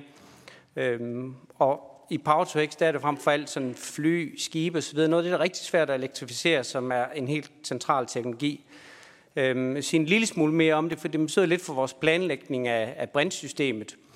Som I kan se her på sliden, så er det om som sige, input. Det første trin er øh, elektrolyse, hvor man bruger el, i det her tilfælde fra, fra vind og sol, til øh, at lave øh, brint og biprodukter som varme og ilt fra elektrolysen. Og den brint kan man så bruge øh, enten direkte til tung transport, busser og lastbiler med brændselceller, eller man kan bruge den i industriel sammenhæng til højtemperatur procesvarme, stålindustri osv. Og man kan også bruge den som spidslast til el og varme i de timer, hvor der ikke er vind og sol. Øh, så kan man, øh, om man så må sige, lave syntese med det fra, ved at tage kvælstof fra luften eller nitrogen, og så lave ammoniak. Og det kan man så bruge igen som skibsbrændstof eller bruge som gødning til landbruget. Og endelig så kan man lave syntese med noget kulstof, og så få de her kulbrinter, vi kender fra, fra olieprodukterne. Og det kan være ved at tage CO2 fra, fra skorstene, øh, hvor der er forbrændingsprocesser eller cement osv. Øh, eller sammen med biomasse, så får man så de her kulbrinteprodukter, som er, kan være flybrændstof, benzin, diesel, plastprodukter, øh, kemikalier, det som vi kender fra den petrokemiske industri, og på den måde, om som sige, kan erstatte øh, det, som vi der har fra, fra olieindustrien. Øhm, når vi så kigger frem, så kommer er en lille smule langsomt. Den Nå, men i hvert fald så kommer de her øh, omstillinger til at betyde, at vi kommer til at bruge meget mere øh, el, når vi kigger de kommende årtier frem. Der er mere el til transport, til varme, til datacentre og, som man kan se her, også til Power to X. Og i det her indgår også en, øh, en om som sige, produktion, hvor der også er en eksport til udlandet. De her produkter, som der er et forventet et ret godt marked for, ikke mindst fra, i Tyskland, der har meget behov for brint i forbindelse med deres omstilling, som vi også forventede eller så på Angora øh, Energivente. Så der skal selvfølgelig også meget mere produktion af el til for at få det her i balance. Og den her, den viser så udviklingen, og der skal man op på, det er så i, produktion, eller i, i, i kapaciteter. Så sol fylder forholdsvis meget som kapacitet. Man har ikke så mange fuldlasttimer som vind. Men det forløb, vi kigger ind i med analyseforudsætninger, det er jo så, at man udnytter nogle af de her rigtig gode øh, offshore vindpotentialer. Der øh, er en, en udbygning med sol, som man også kan se, og så får vi så det passet ind i systemet. Og det gør også, at det forløb, vi ser ind i, ændrer sig ganske meget de kommende årtier. Øh, så man kan se på sliden der, så i 2022, så med den, med den tynde øh, grønne linje der, viser elforbruget i 2022, og så en, en typisk uge der, hvor man kan se vind og sols produktion, hvor vi i dag har øh, dage, hvor der er mere fra vind og sol, end vores elforbrug er. Øh, men når vi kommer et par tiger frem, så ser det jo helt anderledes ud, fordi så er der rigtig mange timer, hvor der er meget mere produktion fra vind og sol end vores øh, klassiske elforbrug, og vi så ser uden Power to X. Og det der Power to X kommer ind og spiller en helt central rolle, fordi det er væsentligt for at levere den balancering, så de her ting sådan set passer sammen. Så når vi så kombinerer øh, Power to X og et stærkt net med udlandsforbindelse, som også er med til at lave balancering, jamen så hænger det sådan set rigtig fint sammen balanceringsmæssigt. Så jeg vil lige sige kort lidt omkring øh, brintplanlægning øh, og elnetplanlægning. Som man kan se på figuren her, så er der vist elinfrastruktur, som er vist der med de tynde sorte og, og røde linjer. Og så analyserer vi et, et, et overlag eller et backbone potentielt oven på det, som er vist her. Det er ikke for at sige, at alt det, I ser her, egentlig er der, hvor der bliver brintnet. Det er nok særligt i, i Vest-Danmark, altså i Jylland, hvor det er helt centralt. Øhm, man kan se de her knudepunkter, de her Power to X-anlæg ligger stærkt mellem el og, og brintnettet. Og det betyder, at der er mulighed for eksport af brint til Tyskland, til de markeder, der ligger dernede, men det forbinder også op til brintlæring i kaverner, hvor man har om skal man sige, huller i jorden, salthorste skyllet ud, hvor man kan tryksætte brint, og så har adgang til relativt billig øh, læring der. Som figuren der til højre viser, så er det, hvad er omkostningen set som energi, altså hvis man har den på den energiform, for at lære øh, brint i de her kaverner, øh, i forhold til, hvad koster det at lære i batterier. Og det er klart, kemisk energi er relativt billig at lære, når man har det på den form. Så når man så simulerer på det her, så er det rigtig i høj grad det, der virker som buffer til dage, øh, uger med rigtig meget vind og sol, et forår eksempelvis. Batterierne er meget centrale, men det er i høj grad for at levere sådan en timebalancering, måske inden for dagen. Og i forhold til det, så hænger systemet øh, sådan set godt sammen, når vi simulerer også på lang sigt. Som lige skitseret her, så er det særligt det her Brent backbone fra Tyskland ned til Esbjerg, øh, Fredericia, op langs vestkysten og over mod de her lager, der i første omgang er helt centralt for at få den her balancering. Og så kan de andre dele måske komme på den meget længere sigt, hvor potentielt også bliver frigivet noget kapacitet i nogle øh, hvad hedder det, eksisterende naturgasforbindelser. Så er I kommet til en opsamling. Øhm, for det første, den kraftige elektrificering med både elbiler, varmepumper og power to anlæg det øger elforbruget med ja, i virkeligheden op 3-5 øh, faktisk de kommende årtier. Øh, vind og sol det kan levere den nødvendige elproduktion, når den suppleres med noget spidslast elproduktion fra biomasse, øh, biogas og potentielt også brug af brint til, øh, til spidslast elproduktion, som vi også så fra øh, Agora Energivente. Så skal man være opmærksom på, at spidslast elproduktionen øh, får relativt få årlige drifttimer, fordi der er så meget vind og sol, og den her fleksibilitet fra elbiler, varmepumper og særdeleshed Power to X leverer rigtig meget af fleksibiliteten, der skal til. Så det er relativt få timer, de her spidslastanlæg så kører. Øhm, så er der selvfølgelig et stærkt elnet og et øh, internationalt øh, elnet også er centralt for at håndtere indpasning af vind og sol. Og så er der, som jeg er inde omkring, det her med et brintsystem, altså en, en backbone, der kan binde de her Power to X-anlæg sammen i et brintnet, og som giver mulighed for at forbinde til et, øh, til et kavernelager, hvor man kan lære brinten, øh, så man har de nødvendige lagerkapacitet til uger, øh, hvor der er meget mindre vind og sol, øh, og så man har en sikker forsyning af brint, øh, også i samspil med det europæiske net. Øhm, og det kan være, at nogle af de kavernelager, man i dag bruger til naturgas, det kan også være, at man skyller nogle nye kaverner ud, fordi der er rimelig gode potentialer for de her ting i dansk sammenhæng. Og så tror jeg, den sidste ting, jeg vil nævne, det er, at øh, traditionelle kraftværker, de har rotationsmasse med deres øh, roterende generatorer, og det er også med til at give noget stabilitet til elsystemet. Øh, vi er stærkt forbundet til udlandet, så det behøver ikke nødvendigvis være kraftværker, der kører i Danmark. Det kan også være stabilisering for landene omkring os. Men den stabilitet arbejder man meget med egentlig at få udviklet, så man kan få de her såkaldte gridforming egenskaber, kan få det fra vind og sol, og der er man egentlig langt på vej. Der sker meget internationalt, der både i, i Danmark, Europa, og vi ved også for samarbejde i USA og Australien osv., at det at et, område, der sker meget på, så inden for relativt få år, måske fem år osv., så er det en meget naturlig del at få den her stabilitet fra, fra de her øh, inverterbaserede ressourcer, tror jeg, Angora øh, Energivente brugte det ord. Øh, så det er også centralt central det at få stabilitet og løsningen. Og det tror jeg var afslutningen på min præsentation.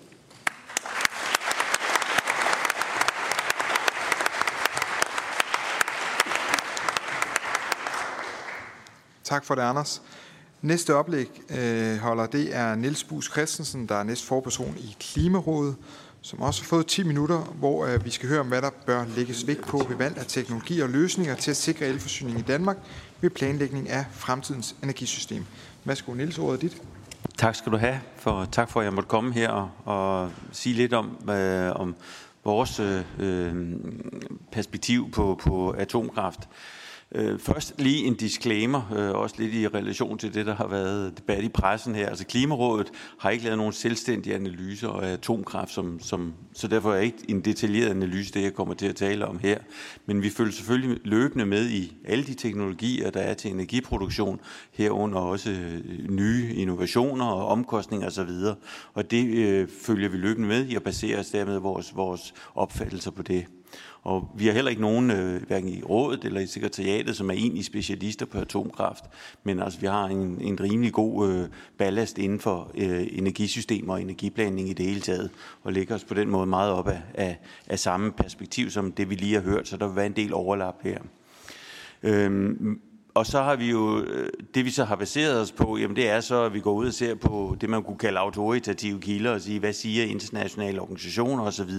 om øh, omkostninger øh, osv. ved forskellige øh, former for energiproduktion. Og senest har det været i forbindelse med den øh, analyse, vi lavede, der hedder Sikker Elforsyning med sol og vind, som kom her i foråret. Og den vil også, øh, det vil sådan set være en, en væsentlig del af det, jeg vil sige nu. Så øh, man skal jo også holde sig for øje, at der er to forskellige og begge to meget relevante spørgsmål. Det ene det er, om vi behøver atomkraft, og det andet det er, om vi ønsker atomkraft. Og øh, når man ser på, om vi ønsker atomkraft, jamen, så er man meget inde i at sige, hvilke fordele og udfordringer og omkostninger er der ved at have et system, der i høj grad er baseret på den type øh, energiproduktion. Det andet, som også er det at sige, hvis vi nu fortsætter med de planlæg, planer, som vi har, hvor sol og vind øh, med videre øh, skal producere en masse grøn strøm øh, til os, øh, kan det vi så etablere det hurtigt nok, og vil der være tilstrækkelig høj forsyningssikkerhed, eller har vi brug for noget andet til at supplere det? Øh, lad os starte lige med det første først, øh, ganske kortvarigt. Øh, og der kan man så sige, at øh, sådan som vi øh, vurderer situationen, øh, så er der en række udfordringer i forhold til at passe det ind i det øh, energisystem, øh, vi ser på, øh, eller som, som, som ligger frem over for Danmark. Øh, hvis vi ser på det omkostningsmæssigt, jamen, så ser det ikke ud som om, at, at, der, at det klart er sådan, så vi får nogle økonomiske fordele ved at, at, øh, at bruge atomkraft, hvis vi sammenligner det med at fortsætte udbygningen med, med sol og vind. Så hvis vi ser det som to alternativer, øh, så kan det godt være, at der kommer nogle teknologier i fremtiden, fremtiden, eller nogle, nogle innovationer, som gør det. Men sådan som det ser ud nu, så tror jeg, at, at vores vurdering, eller så er vores vurdering af mainstream er, at der er ikke nogen klare omkostningsfordele, for at nu sige det sådan.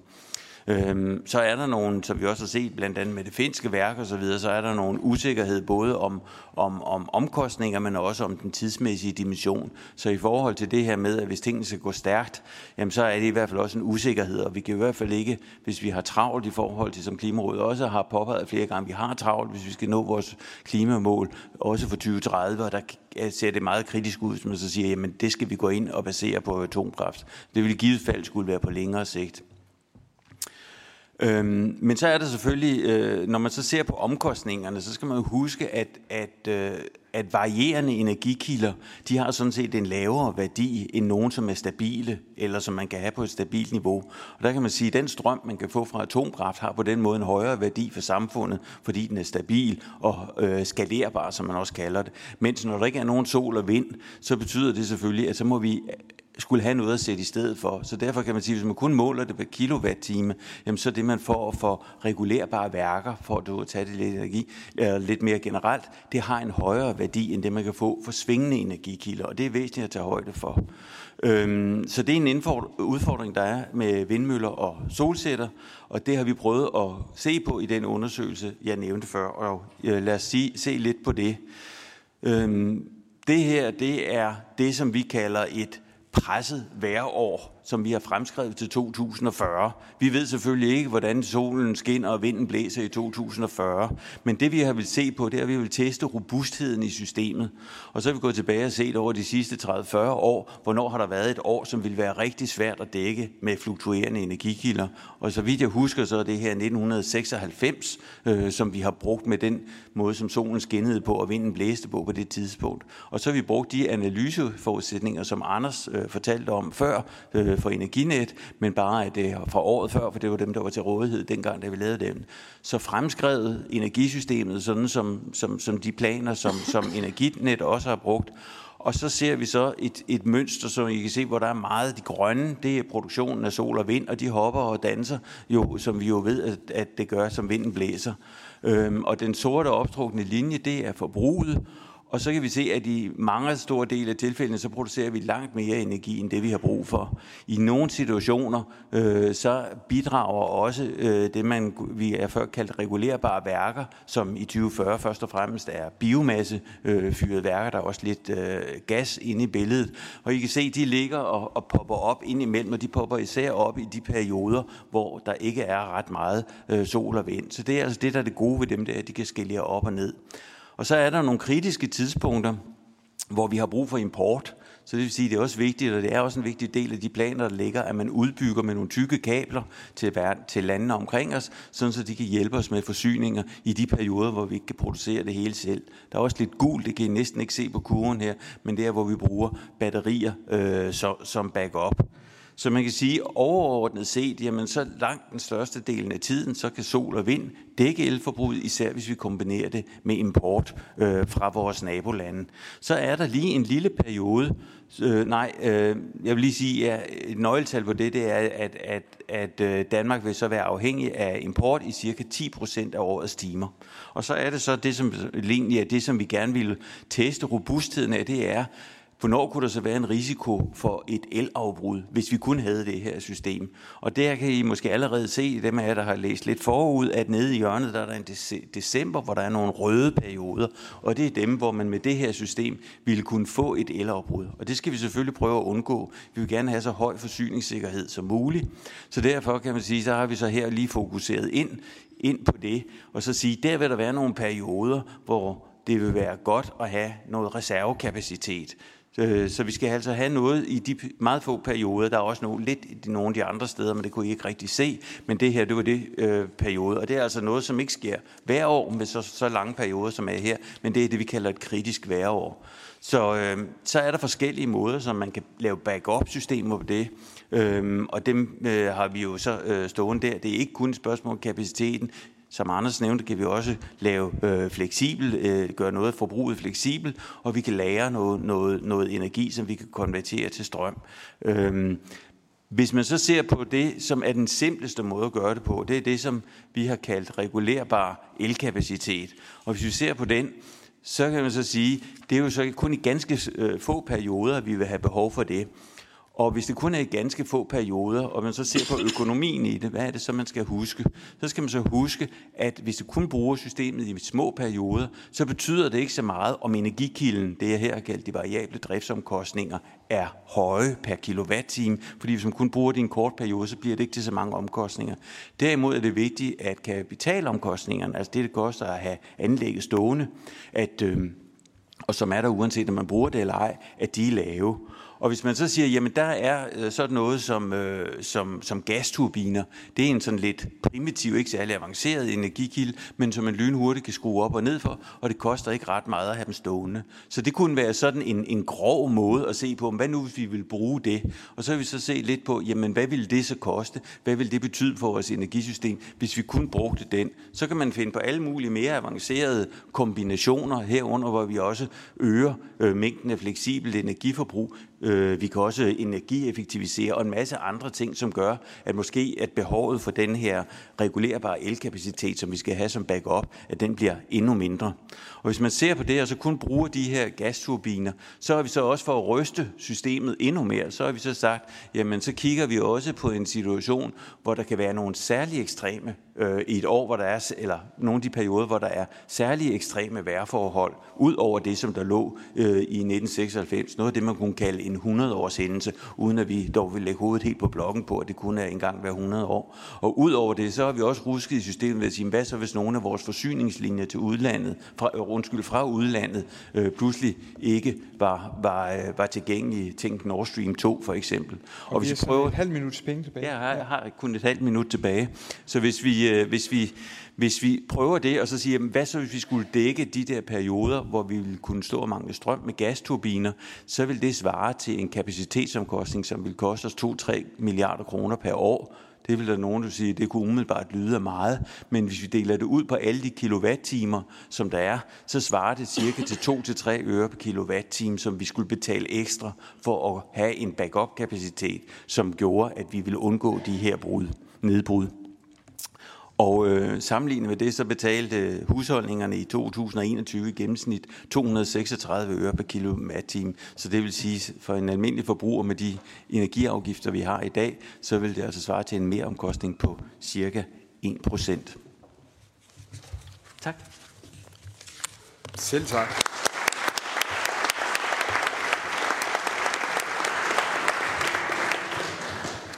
Ja, tak til Niels. Nu er det Dagens sidste taler er Brian Vad Mathisen, der er Ph.D. og forsker i energiforsyning ved Aalborg Universitet og medforfatter til rapporten Fakta om atomkraft i Danmark, version 2 fra juni 2023. Og Brian vil med udgangspunkt i rapportens konklusioner udlægge de økonomiske konsekvenser og energisystemeffekter ved atomkraft i Danmark. Værsgo, Brian. Du har også 10 minutter. Ja, mange tak for ordet, og tak for muligheden for at komme i dag. Øh, jeg vil holde et oplæg om den her rapport, som du nævnte, som øh, udkom i første udgave i sommeren, eller i efteråret 22, og hvor vi udgav en ny version her i, i sommers. Jeg er med i forfatterkredsen, det er korrekt, og det handler om, øh, altså notatet handler om, hvordan vi balancerer energisystemet, handler om energisystemanalyse og forstå de her tekniske komponenters rolle øh, ind i systemet, og, og dem, der står bag, er også eksperter i energisystemanalyser. Jeg er selv forsker og ekspert i energisystemanalyse og energiplanlægning. Jeg er ikke blevet bedt om at tale om energiplanlægning i dag. Jeg kan forstå, at der er også andre, der allerede har dækket nogle af de ting. Øh, jeg er blevet bedt om at sige noget om energisystemanalyser. Det vil jeg koncentrere mig om. Jeg er heller ikke ekspert i vindmølledesign, strålingsekspert, atomfysiker, reaktorfysik, batteripakker til elbiler, affald, deslige, og det vil heller aldrig påstå, jeg er. Men ikke desto mindre, så bruger jeg en hel del tid på øh, nogle spændende ting i forhold til at analysere systemet. Og øh, noget af det, som øh, man er nødt til at forholde sig til, når man laver den slags, som, som jeg gør, det er blandt andet, hvad, hvad tingene koster. Og, og grafen her viser den seneste opgørelse fra øh, Lazard. Øh, klar over, der er noget kritik af Lazard. Det er jo en amerikansk opgørelse. Der findes andre opgørelser over, hvad det koster. Men øh, ideen her er, at vi opgør prisen på, hvad det koster at øh, lave 1 kWh, øh, indregnende kapitalomkostninger og drifts- og driftsomkostninger. I forhold til vores energisystemanalyser er det vigtigt at forstå, at øh, elsystemet udgør omkring 10 procent af det samlede energisystems investeringer og omkostninger. 10 procent. Det vi debatterer i dag, det er elsystemet, det er ikke alle de andre ting. Og det tror jeg er vigtigt at holde sig for øje, øh, når man, øh, når man taler om de her ting. Når vi sammenligner med andre teknologier, er det sådan i øjeblikket, at atomkraft er 2,5-3 gange dyrere end VE lige nu. Øh, og øh, når vi øh, kigger øh, på analyser, så bruger vi jo ikke de nuværende priser. Vi bruger fremtidige forventede priser, og vi læner os op af anerkendte kilder fra det internationale energiagentur, og fra Energistyrelsen, og det forventes, at priserne vil falde, ikke bare på vedvarende energi, men også på atomkraft. I øvrigt, det notat, som vi har fremlagt, inviterer til en demokratisk debat om, hvilke forudsætninger, der skal bruges. Vi bruger ikke kommercielle data fra virksomheder. Vi bruger data, der er fra uafhængige kilder. Det er ret vigtigt at forstå. Hvis man sammenligner de forskellige ting, er det vigtigt at holde sig for øje, om vi har kapitalomkostninger med eller ej. Hvis man har bygget en vindmølle, og den er afskrevet, så er prisen 0 for den kilowatt-time. Det er klart, men det er de jo ikke, de fleste. Hvis du har bygget et A-kraftværk, og det er afskrevet, så har du de omkostninger, der er til den uran, du skal bruge. Vi har ikke erfaring med A-kraft i Danmark, og derfor ved vi jo selvfølgelig heller ikke med sikkerhed, hvad det koster at bygge i Danmark. Vi ved heller ikke, hvor lang tid det tager at bygge. Men det vi kan gøre, det er, at vi kan se på, hvad det er, der er bygget i vores nabo, nabolande. Og øh, der er tre øh, anlæg i Finland, Frankrig og Storbritannien. De øh, anlæg øh, repræsenterer øh, den, den seneste øh, teknologi, man kan købe, men øh, i virkeligheden repræsenterer prisen fra dem ikke særlig godt, hvad man kan forvente, at der kan ske i fremtiden, hvis man satser på A-kraft. Så derfor så kan vi ikke bruge de priser i vores analyser, og vi bruger ikke priser fra Hinkley Point eller Farmanville eller andre, eller det finske værk i vores analyse. Det vil være en urimelig sammenligning. Det, man skal se på, det er jo, hvad tingene koster fremadrettet. Vi antager øh, i de grafer, I ser her, 60 års levetid øh, på de tre anlæg. Vi antager en samfundsøkonomisk øh, rente. Øh, vi øh, ser, at prisen på el for de her anlæg er 65-100% højere end etableret øh, VE-anlæg. Øh, vi har også øh, set, øh, altså det vil sige, vi har, vi har ikke sammenlignet her med markedsrenter, Øh, og vi har heller ikke brugt de historiske kapacitetsfaktorer. De historiske kapacitetsfaktorer fra A-kraftværker ligger øh, omkring 72-75 procent. Der bruger vi altså nogle tal, der er højere. Hvad betyder det? Det betyder, at prisen på grafen for A-kraft her er lavere, end den ville have været, hvis vi havde brugt de forudsætninger. Vi har også her set på, det har været en del af den kritik, der er kommet, øh, hvis man øger drifttiden yderligere til 85 procent, øh, det er den skraverede kurve på de tre øh, A-kraftværker, og det viser, at det ikke ændrer det overordnede billede. Så er der jo så også nogle dele, som vi i Danmark ikke umiddelbart kan realisere, fordi A-kraftdebatten bliver jo blandet sammen på mange forskellige måder. og Jeg tror, det er vigtigt at holde tungen lige i munden. Der er tre typer af A-kraftdebat. Der er den debat, der handler om levetidsforlængelser af eksisterende anlæg. Det kan man kun, hvis man har anlæg. Så er der debatten om at etablere anlæg med nuværende teknologi. Og så er der den debat, som vi også har haft i dag, om fremtidens anlæg. På grafen her ser I en opgørelse på, hvad det koster, hvis man øh, bygger øh, A-kraft i, øh, i, i, altså uden for Europa. Og, og det man kan se, det er, at havvindmølleparkerne i Danmark stort set har den samme pris som atomkraft i Kina, Øh, og at øh, landvindmøller og solceller har den samme pris nogenlunde som levetidsforlængelser af eksisterende anlæg. Levetidsforlængelser af eksisterende anlæg. Det er altså sådan state of play, eller der, hvor vi er. Som sagt, når vi kigger fremad, så skal man jo se på fremtidens priser, og for lige at oversætte, øh, øh hvad hedder det, øh, priserne her, så kan I se, øh, at de 40 euro per kilowatt eller per megawatt-time svarer til 30 øre per kilowatt-time. Alle herinde har jo en app, hvor man kan se, hvad prisen er, så man forstår jo godt, øh, hvad det drejer sig om.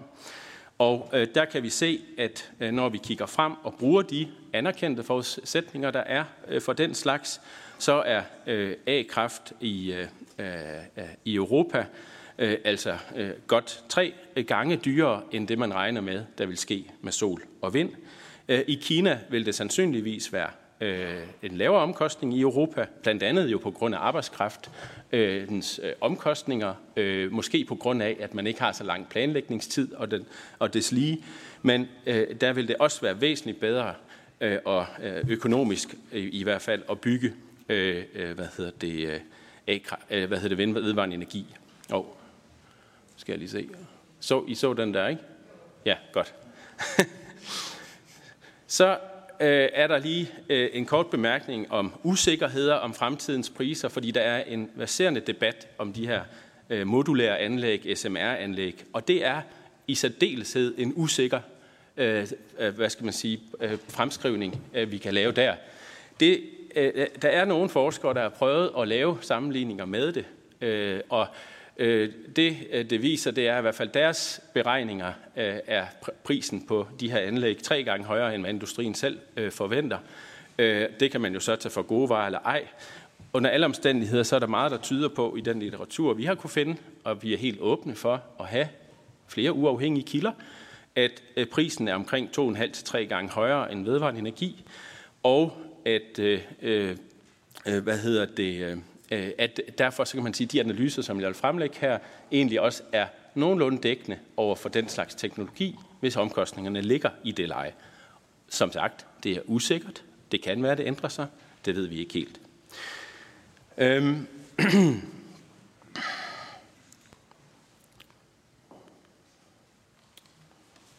Det fremtidige energisystem i, øh, øh i Danmark Øh, er jo forbundet med øh, nogle målsætninger, som jo igen er forbundet med Paris-aftalen. Vi har omsat til, til nogle konkrete mål ganske kort om et år. 50-54 procents reduktion om 6 år, 70 procents reduktion. Klimaneutralitet om 21 år, 26 år vi klimapositive. Det kræver en omstilling af mange ting uanset hvad, så kræver det, at vi har energieffektivitet, elbiler, ellastbiler, elektrificering af industrien, power to x, fjernvarme, omstilling af landbruget. Der er også noget andet, det kræver, nemlig CO2-fangst og læring. Det er helt afgørende, og så kræver det jo sektorintegration, at vi kigger, kigger sammen på de her ting. Øh, hvis man sådan lige kigger lidt ud over landets grænser, så kom der jo her for nylig en rapport fra FN, som opgjorde omkostningerne ved de forskellige teknologier. FN er ikke særlig god til at tænke på integrerede systemer, så de tager teknologierne enkeltvis. Og når man ser teknologierne enkeltvis, vil man opdage, øh, at øverst på den graf, jeg har vist, der, der er sol og vind, og den blå repræsenterer, hvad der er kommercielt øh, fornuftigt at gøre, øh, uanset om CO2 koster noget eller ej. Og det er altså vind og sol. A-kraft er også på den, og der er nogle steder, hvor A-kraft kan give mening, men den blå del af, øh, af det, hvor FN mener, det er relevant, altså væsentligt mindre end øh, for sol og vind. Så det er altså internationalt også øh, sådan, at fysikkens lov gælder der. Og Brian, vi er sådan et halvt minut tilbage. Ja, jeg skal skynde mig, kan jeg se. Så har vi byggetider. Historisk er byggetiderne og planlægningstiderne ret lange. Altså byggetiderne på A-kraft er 5-8 år og 1-7 år for sol og vind. I de nuværende under de nuværende omstændigheder ved vi ikke, hvad byggetiderne er, fordi energikrisen jo har rykket både ved atomkraft og VE, og vi ved simpelthen ikke helt, hvad situationen er. Men uanset hvad, så er det, der var til det her, det er det, der var tilfældet før krisen, altså væsentligt hurtigere at kunne bygge øh, vedvarende energi. I forhold til øh, forudsætningerne for analysen, så som sagt, så skal vi lave en hel del om. Det betyder blandt andet, at man skal se på, hvad der er bæredygtigt biomasse, men det betyder også, at vi skal øh, tredoble vores elforbrug, øh, fordi vi får brug for langt mere el i øh, flere dele af vores energisystem. Og det, som vi forestiller os, det er, at vi erstatter noget af udbygningen med øh, vedvarende energi, med hvad der svarer til 8 gigawatt øh, atomkraft. Og øh, hvis vi gør det, så øh, får man øh, den slags øh, resultater, som vi ser her. Begge og Brian, systemer... vi er ved... Ja. Jeg må desværre øh, lukke dig ned nu her. Du må lukke mig ned? Ja. Jamen, det må, det må du gøre så. Jeg er ked af det. Det er i orden. Men, men øh, lige så vel som med alle andre foredrag, eller oplæg, så lægger vi også dit selvfølgelig på, øh, på Folketingets hjemmeside, så man kan se de, de sidste slides. Men skal vi ikke give Brian en stor hånd for, øh, for noget her også?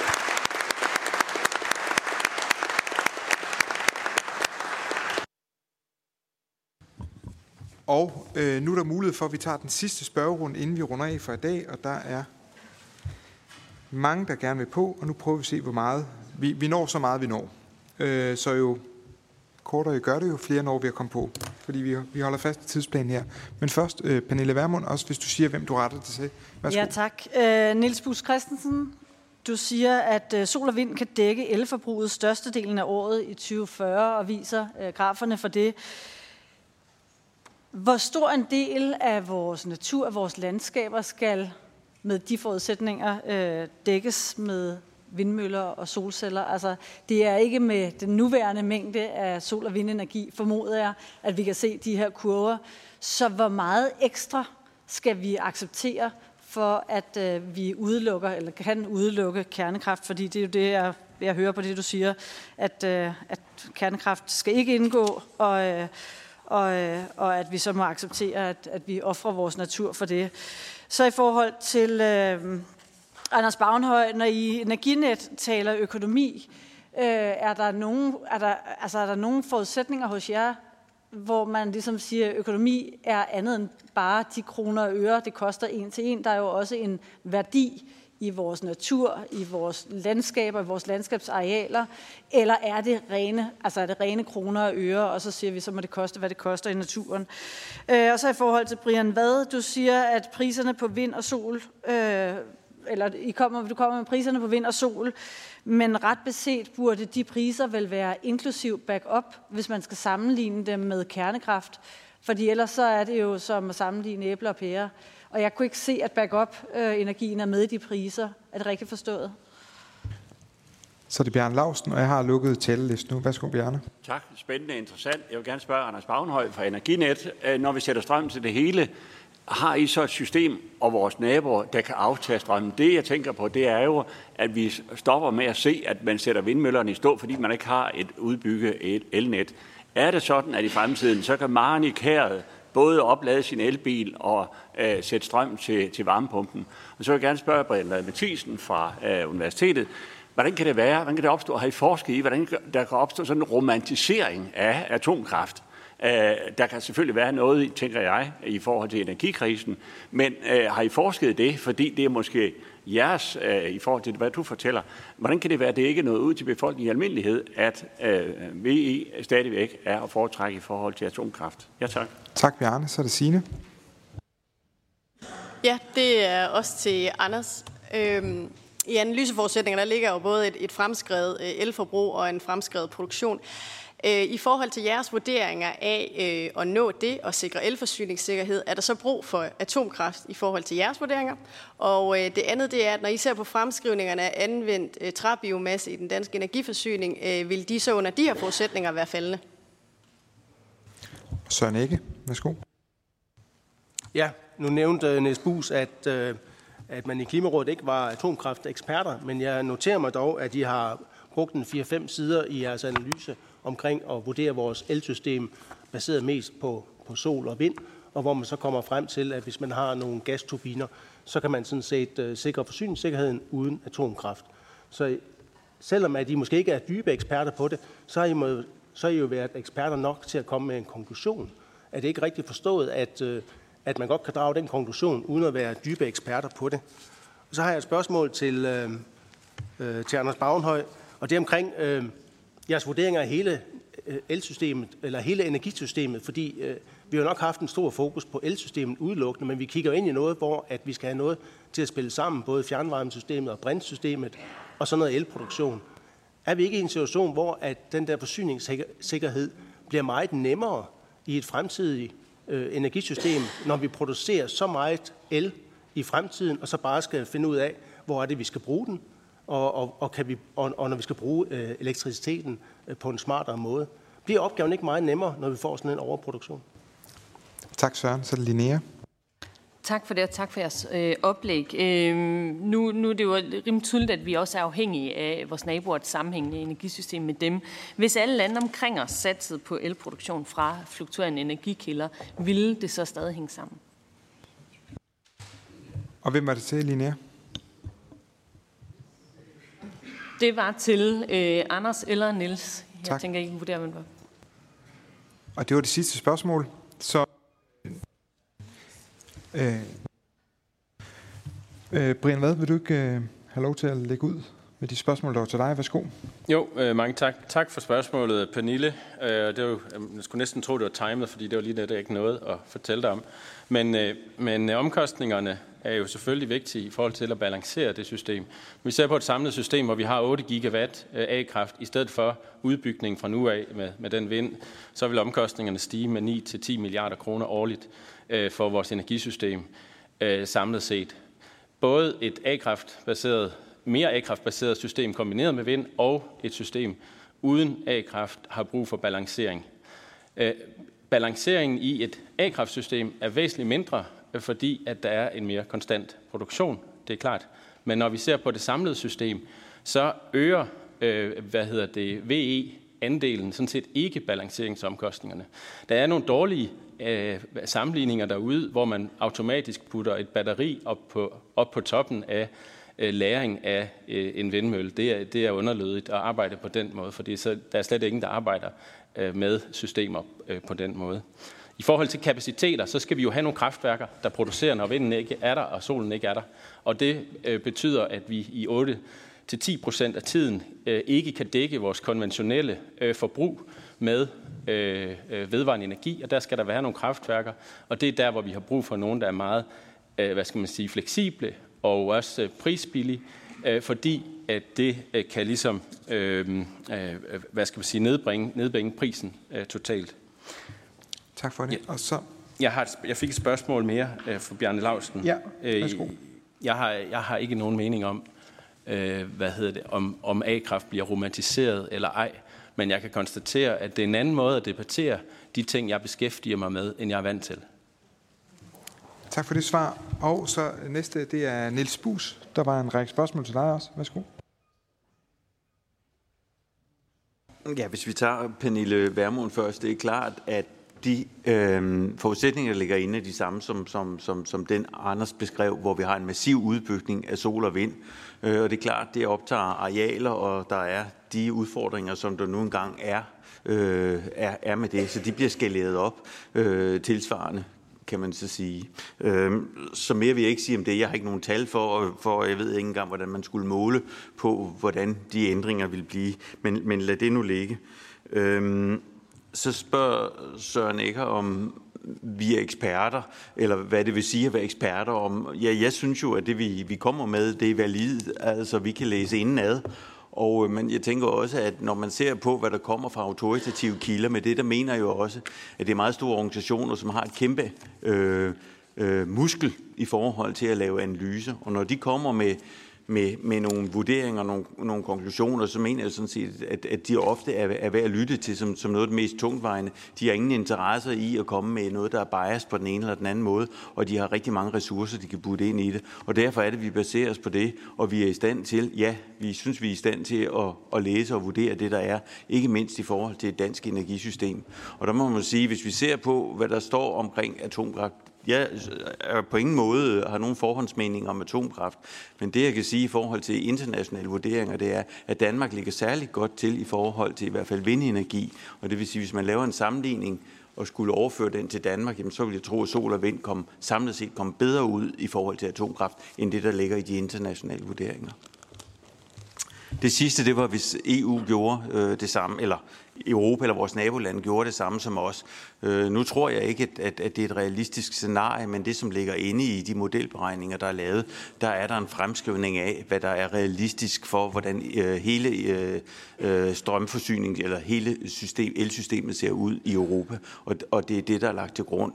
Og øh, et lidt mere uddybet svar kunne jo være at sige, noget af det, som også de øh, grafer, jeg viste, øh, hvad man kan læse ud af dem, det er jo sådan set, at selv i et system, som hvis vi nu kun var baseret på sol og vind, jamen så kan det, det ikke alene i Danmark, kan det jo lægge en ganske stor del af den. Altså den der basislast, det kan man ikke engang kalde det, men altså det der, altså med, med biomasseværkerne, udgør jo en meget lille del af den samlede energiproduktion i det scenarie, vi har opstillet for 2040. Og det samme ville jo så i givet fald være tilfældet i resten af Europa. Og det vil sige, at den backup-kapacitet kunne man jo så også have i, i resten af Europa. Og den vil formentlig blive mindre i og med, at der er nogle lande, som rent faktisk vil satse på atomkraft. Tak for det. Anders Bagnøj, værsgo. Så vil jeg også starte med at sige tak for de mange spørgsmål. Øh, og så vil starte med at også svare til Pernille Værmund, der spurgte lidt omkring, øh, når vi laver de her økonomiske beregninger, om vi så også tager, hvad man kunne kalde sådan eksternaliteter og så videre med i det. Øh, og egentlig der ligger det også, som, som tidligere nævnt, i forhold til analyseforudsætningerne, at når vi laver nogle beregninger, så er det samfundsøkonomiske beregningsforudsætninger, som udstukket af øh, Energistyrelsen, som jo så igen har et, et anhæng op i forhold til, til Finansministeriets retningslinjer. Så det er en, en del af at kigge på det samfundsøkonomiske, øh, kan man sige. Øh, så var det fra Bjarne, tror jeg, øh, ja, et spørgsmål omkring øh, samspillet med udland øh, og kapacitet, øh, altså i forhold til hele forsyningssikkerheden. Øh, og det svarer også en lille smule ind i det, som øh, Linnea spurgte til, tror jeg.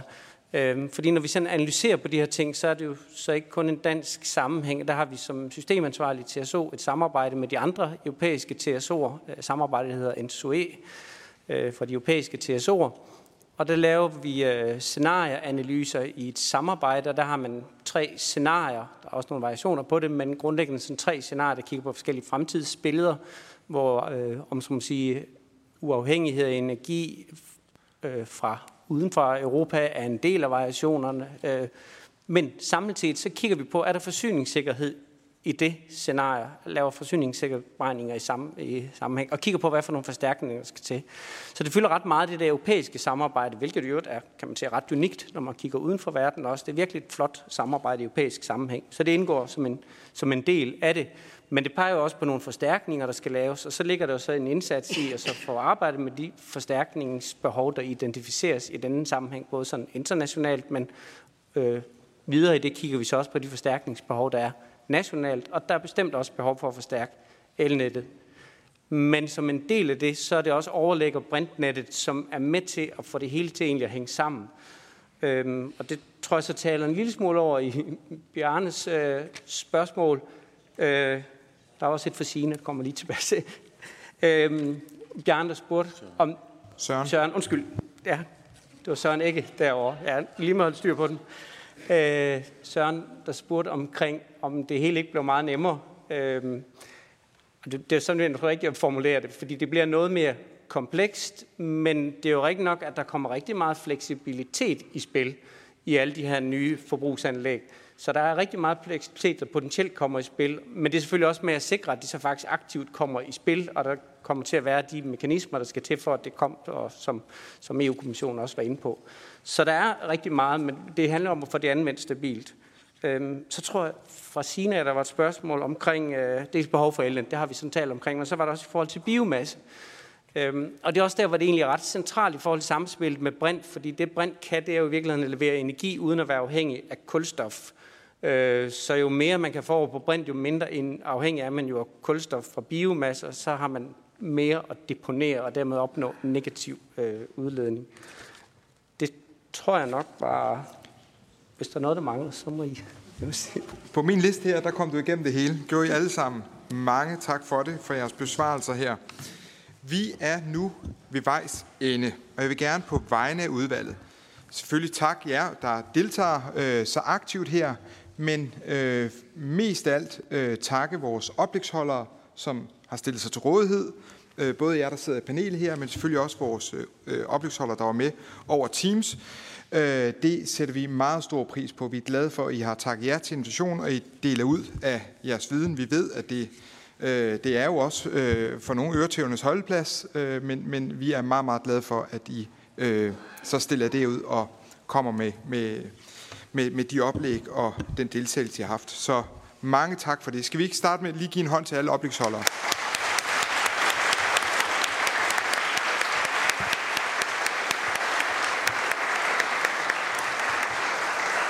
Også tak for flot deltagelse fra udvalgsmedlemmerne. Det, sætter vi, øh, det, det gør det jo meget mere interessant, øh, at vi, at vi får delt den her viden ud til mange flere.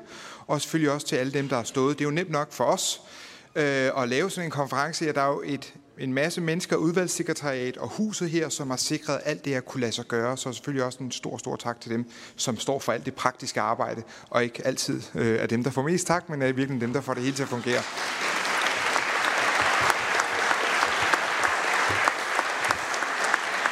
Og så er der jo masser, som sagt, vi får de her oplæg op at køre, det har I efterhånden øh, fanget. Vi får også høringer op at køre. Hvis der er nogen også oplægsholdere, der har noget, der skal eftersendes, eller nogle ekstra ting, vi bør vide i udvalget, også noget, som I gerne vil have offentligt ud, så eftersend det, og så kan vi, kan vi sørge for, at det hele bliver delt, så vi har al den viden, øh, som, som I øh, gerne vil dele med os.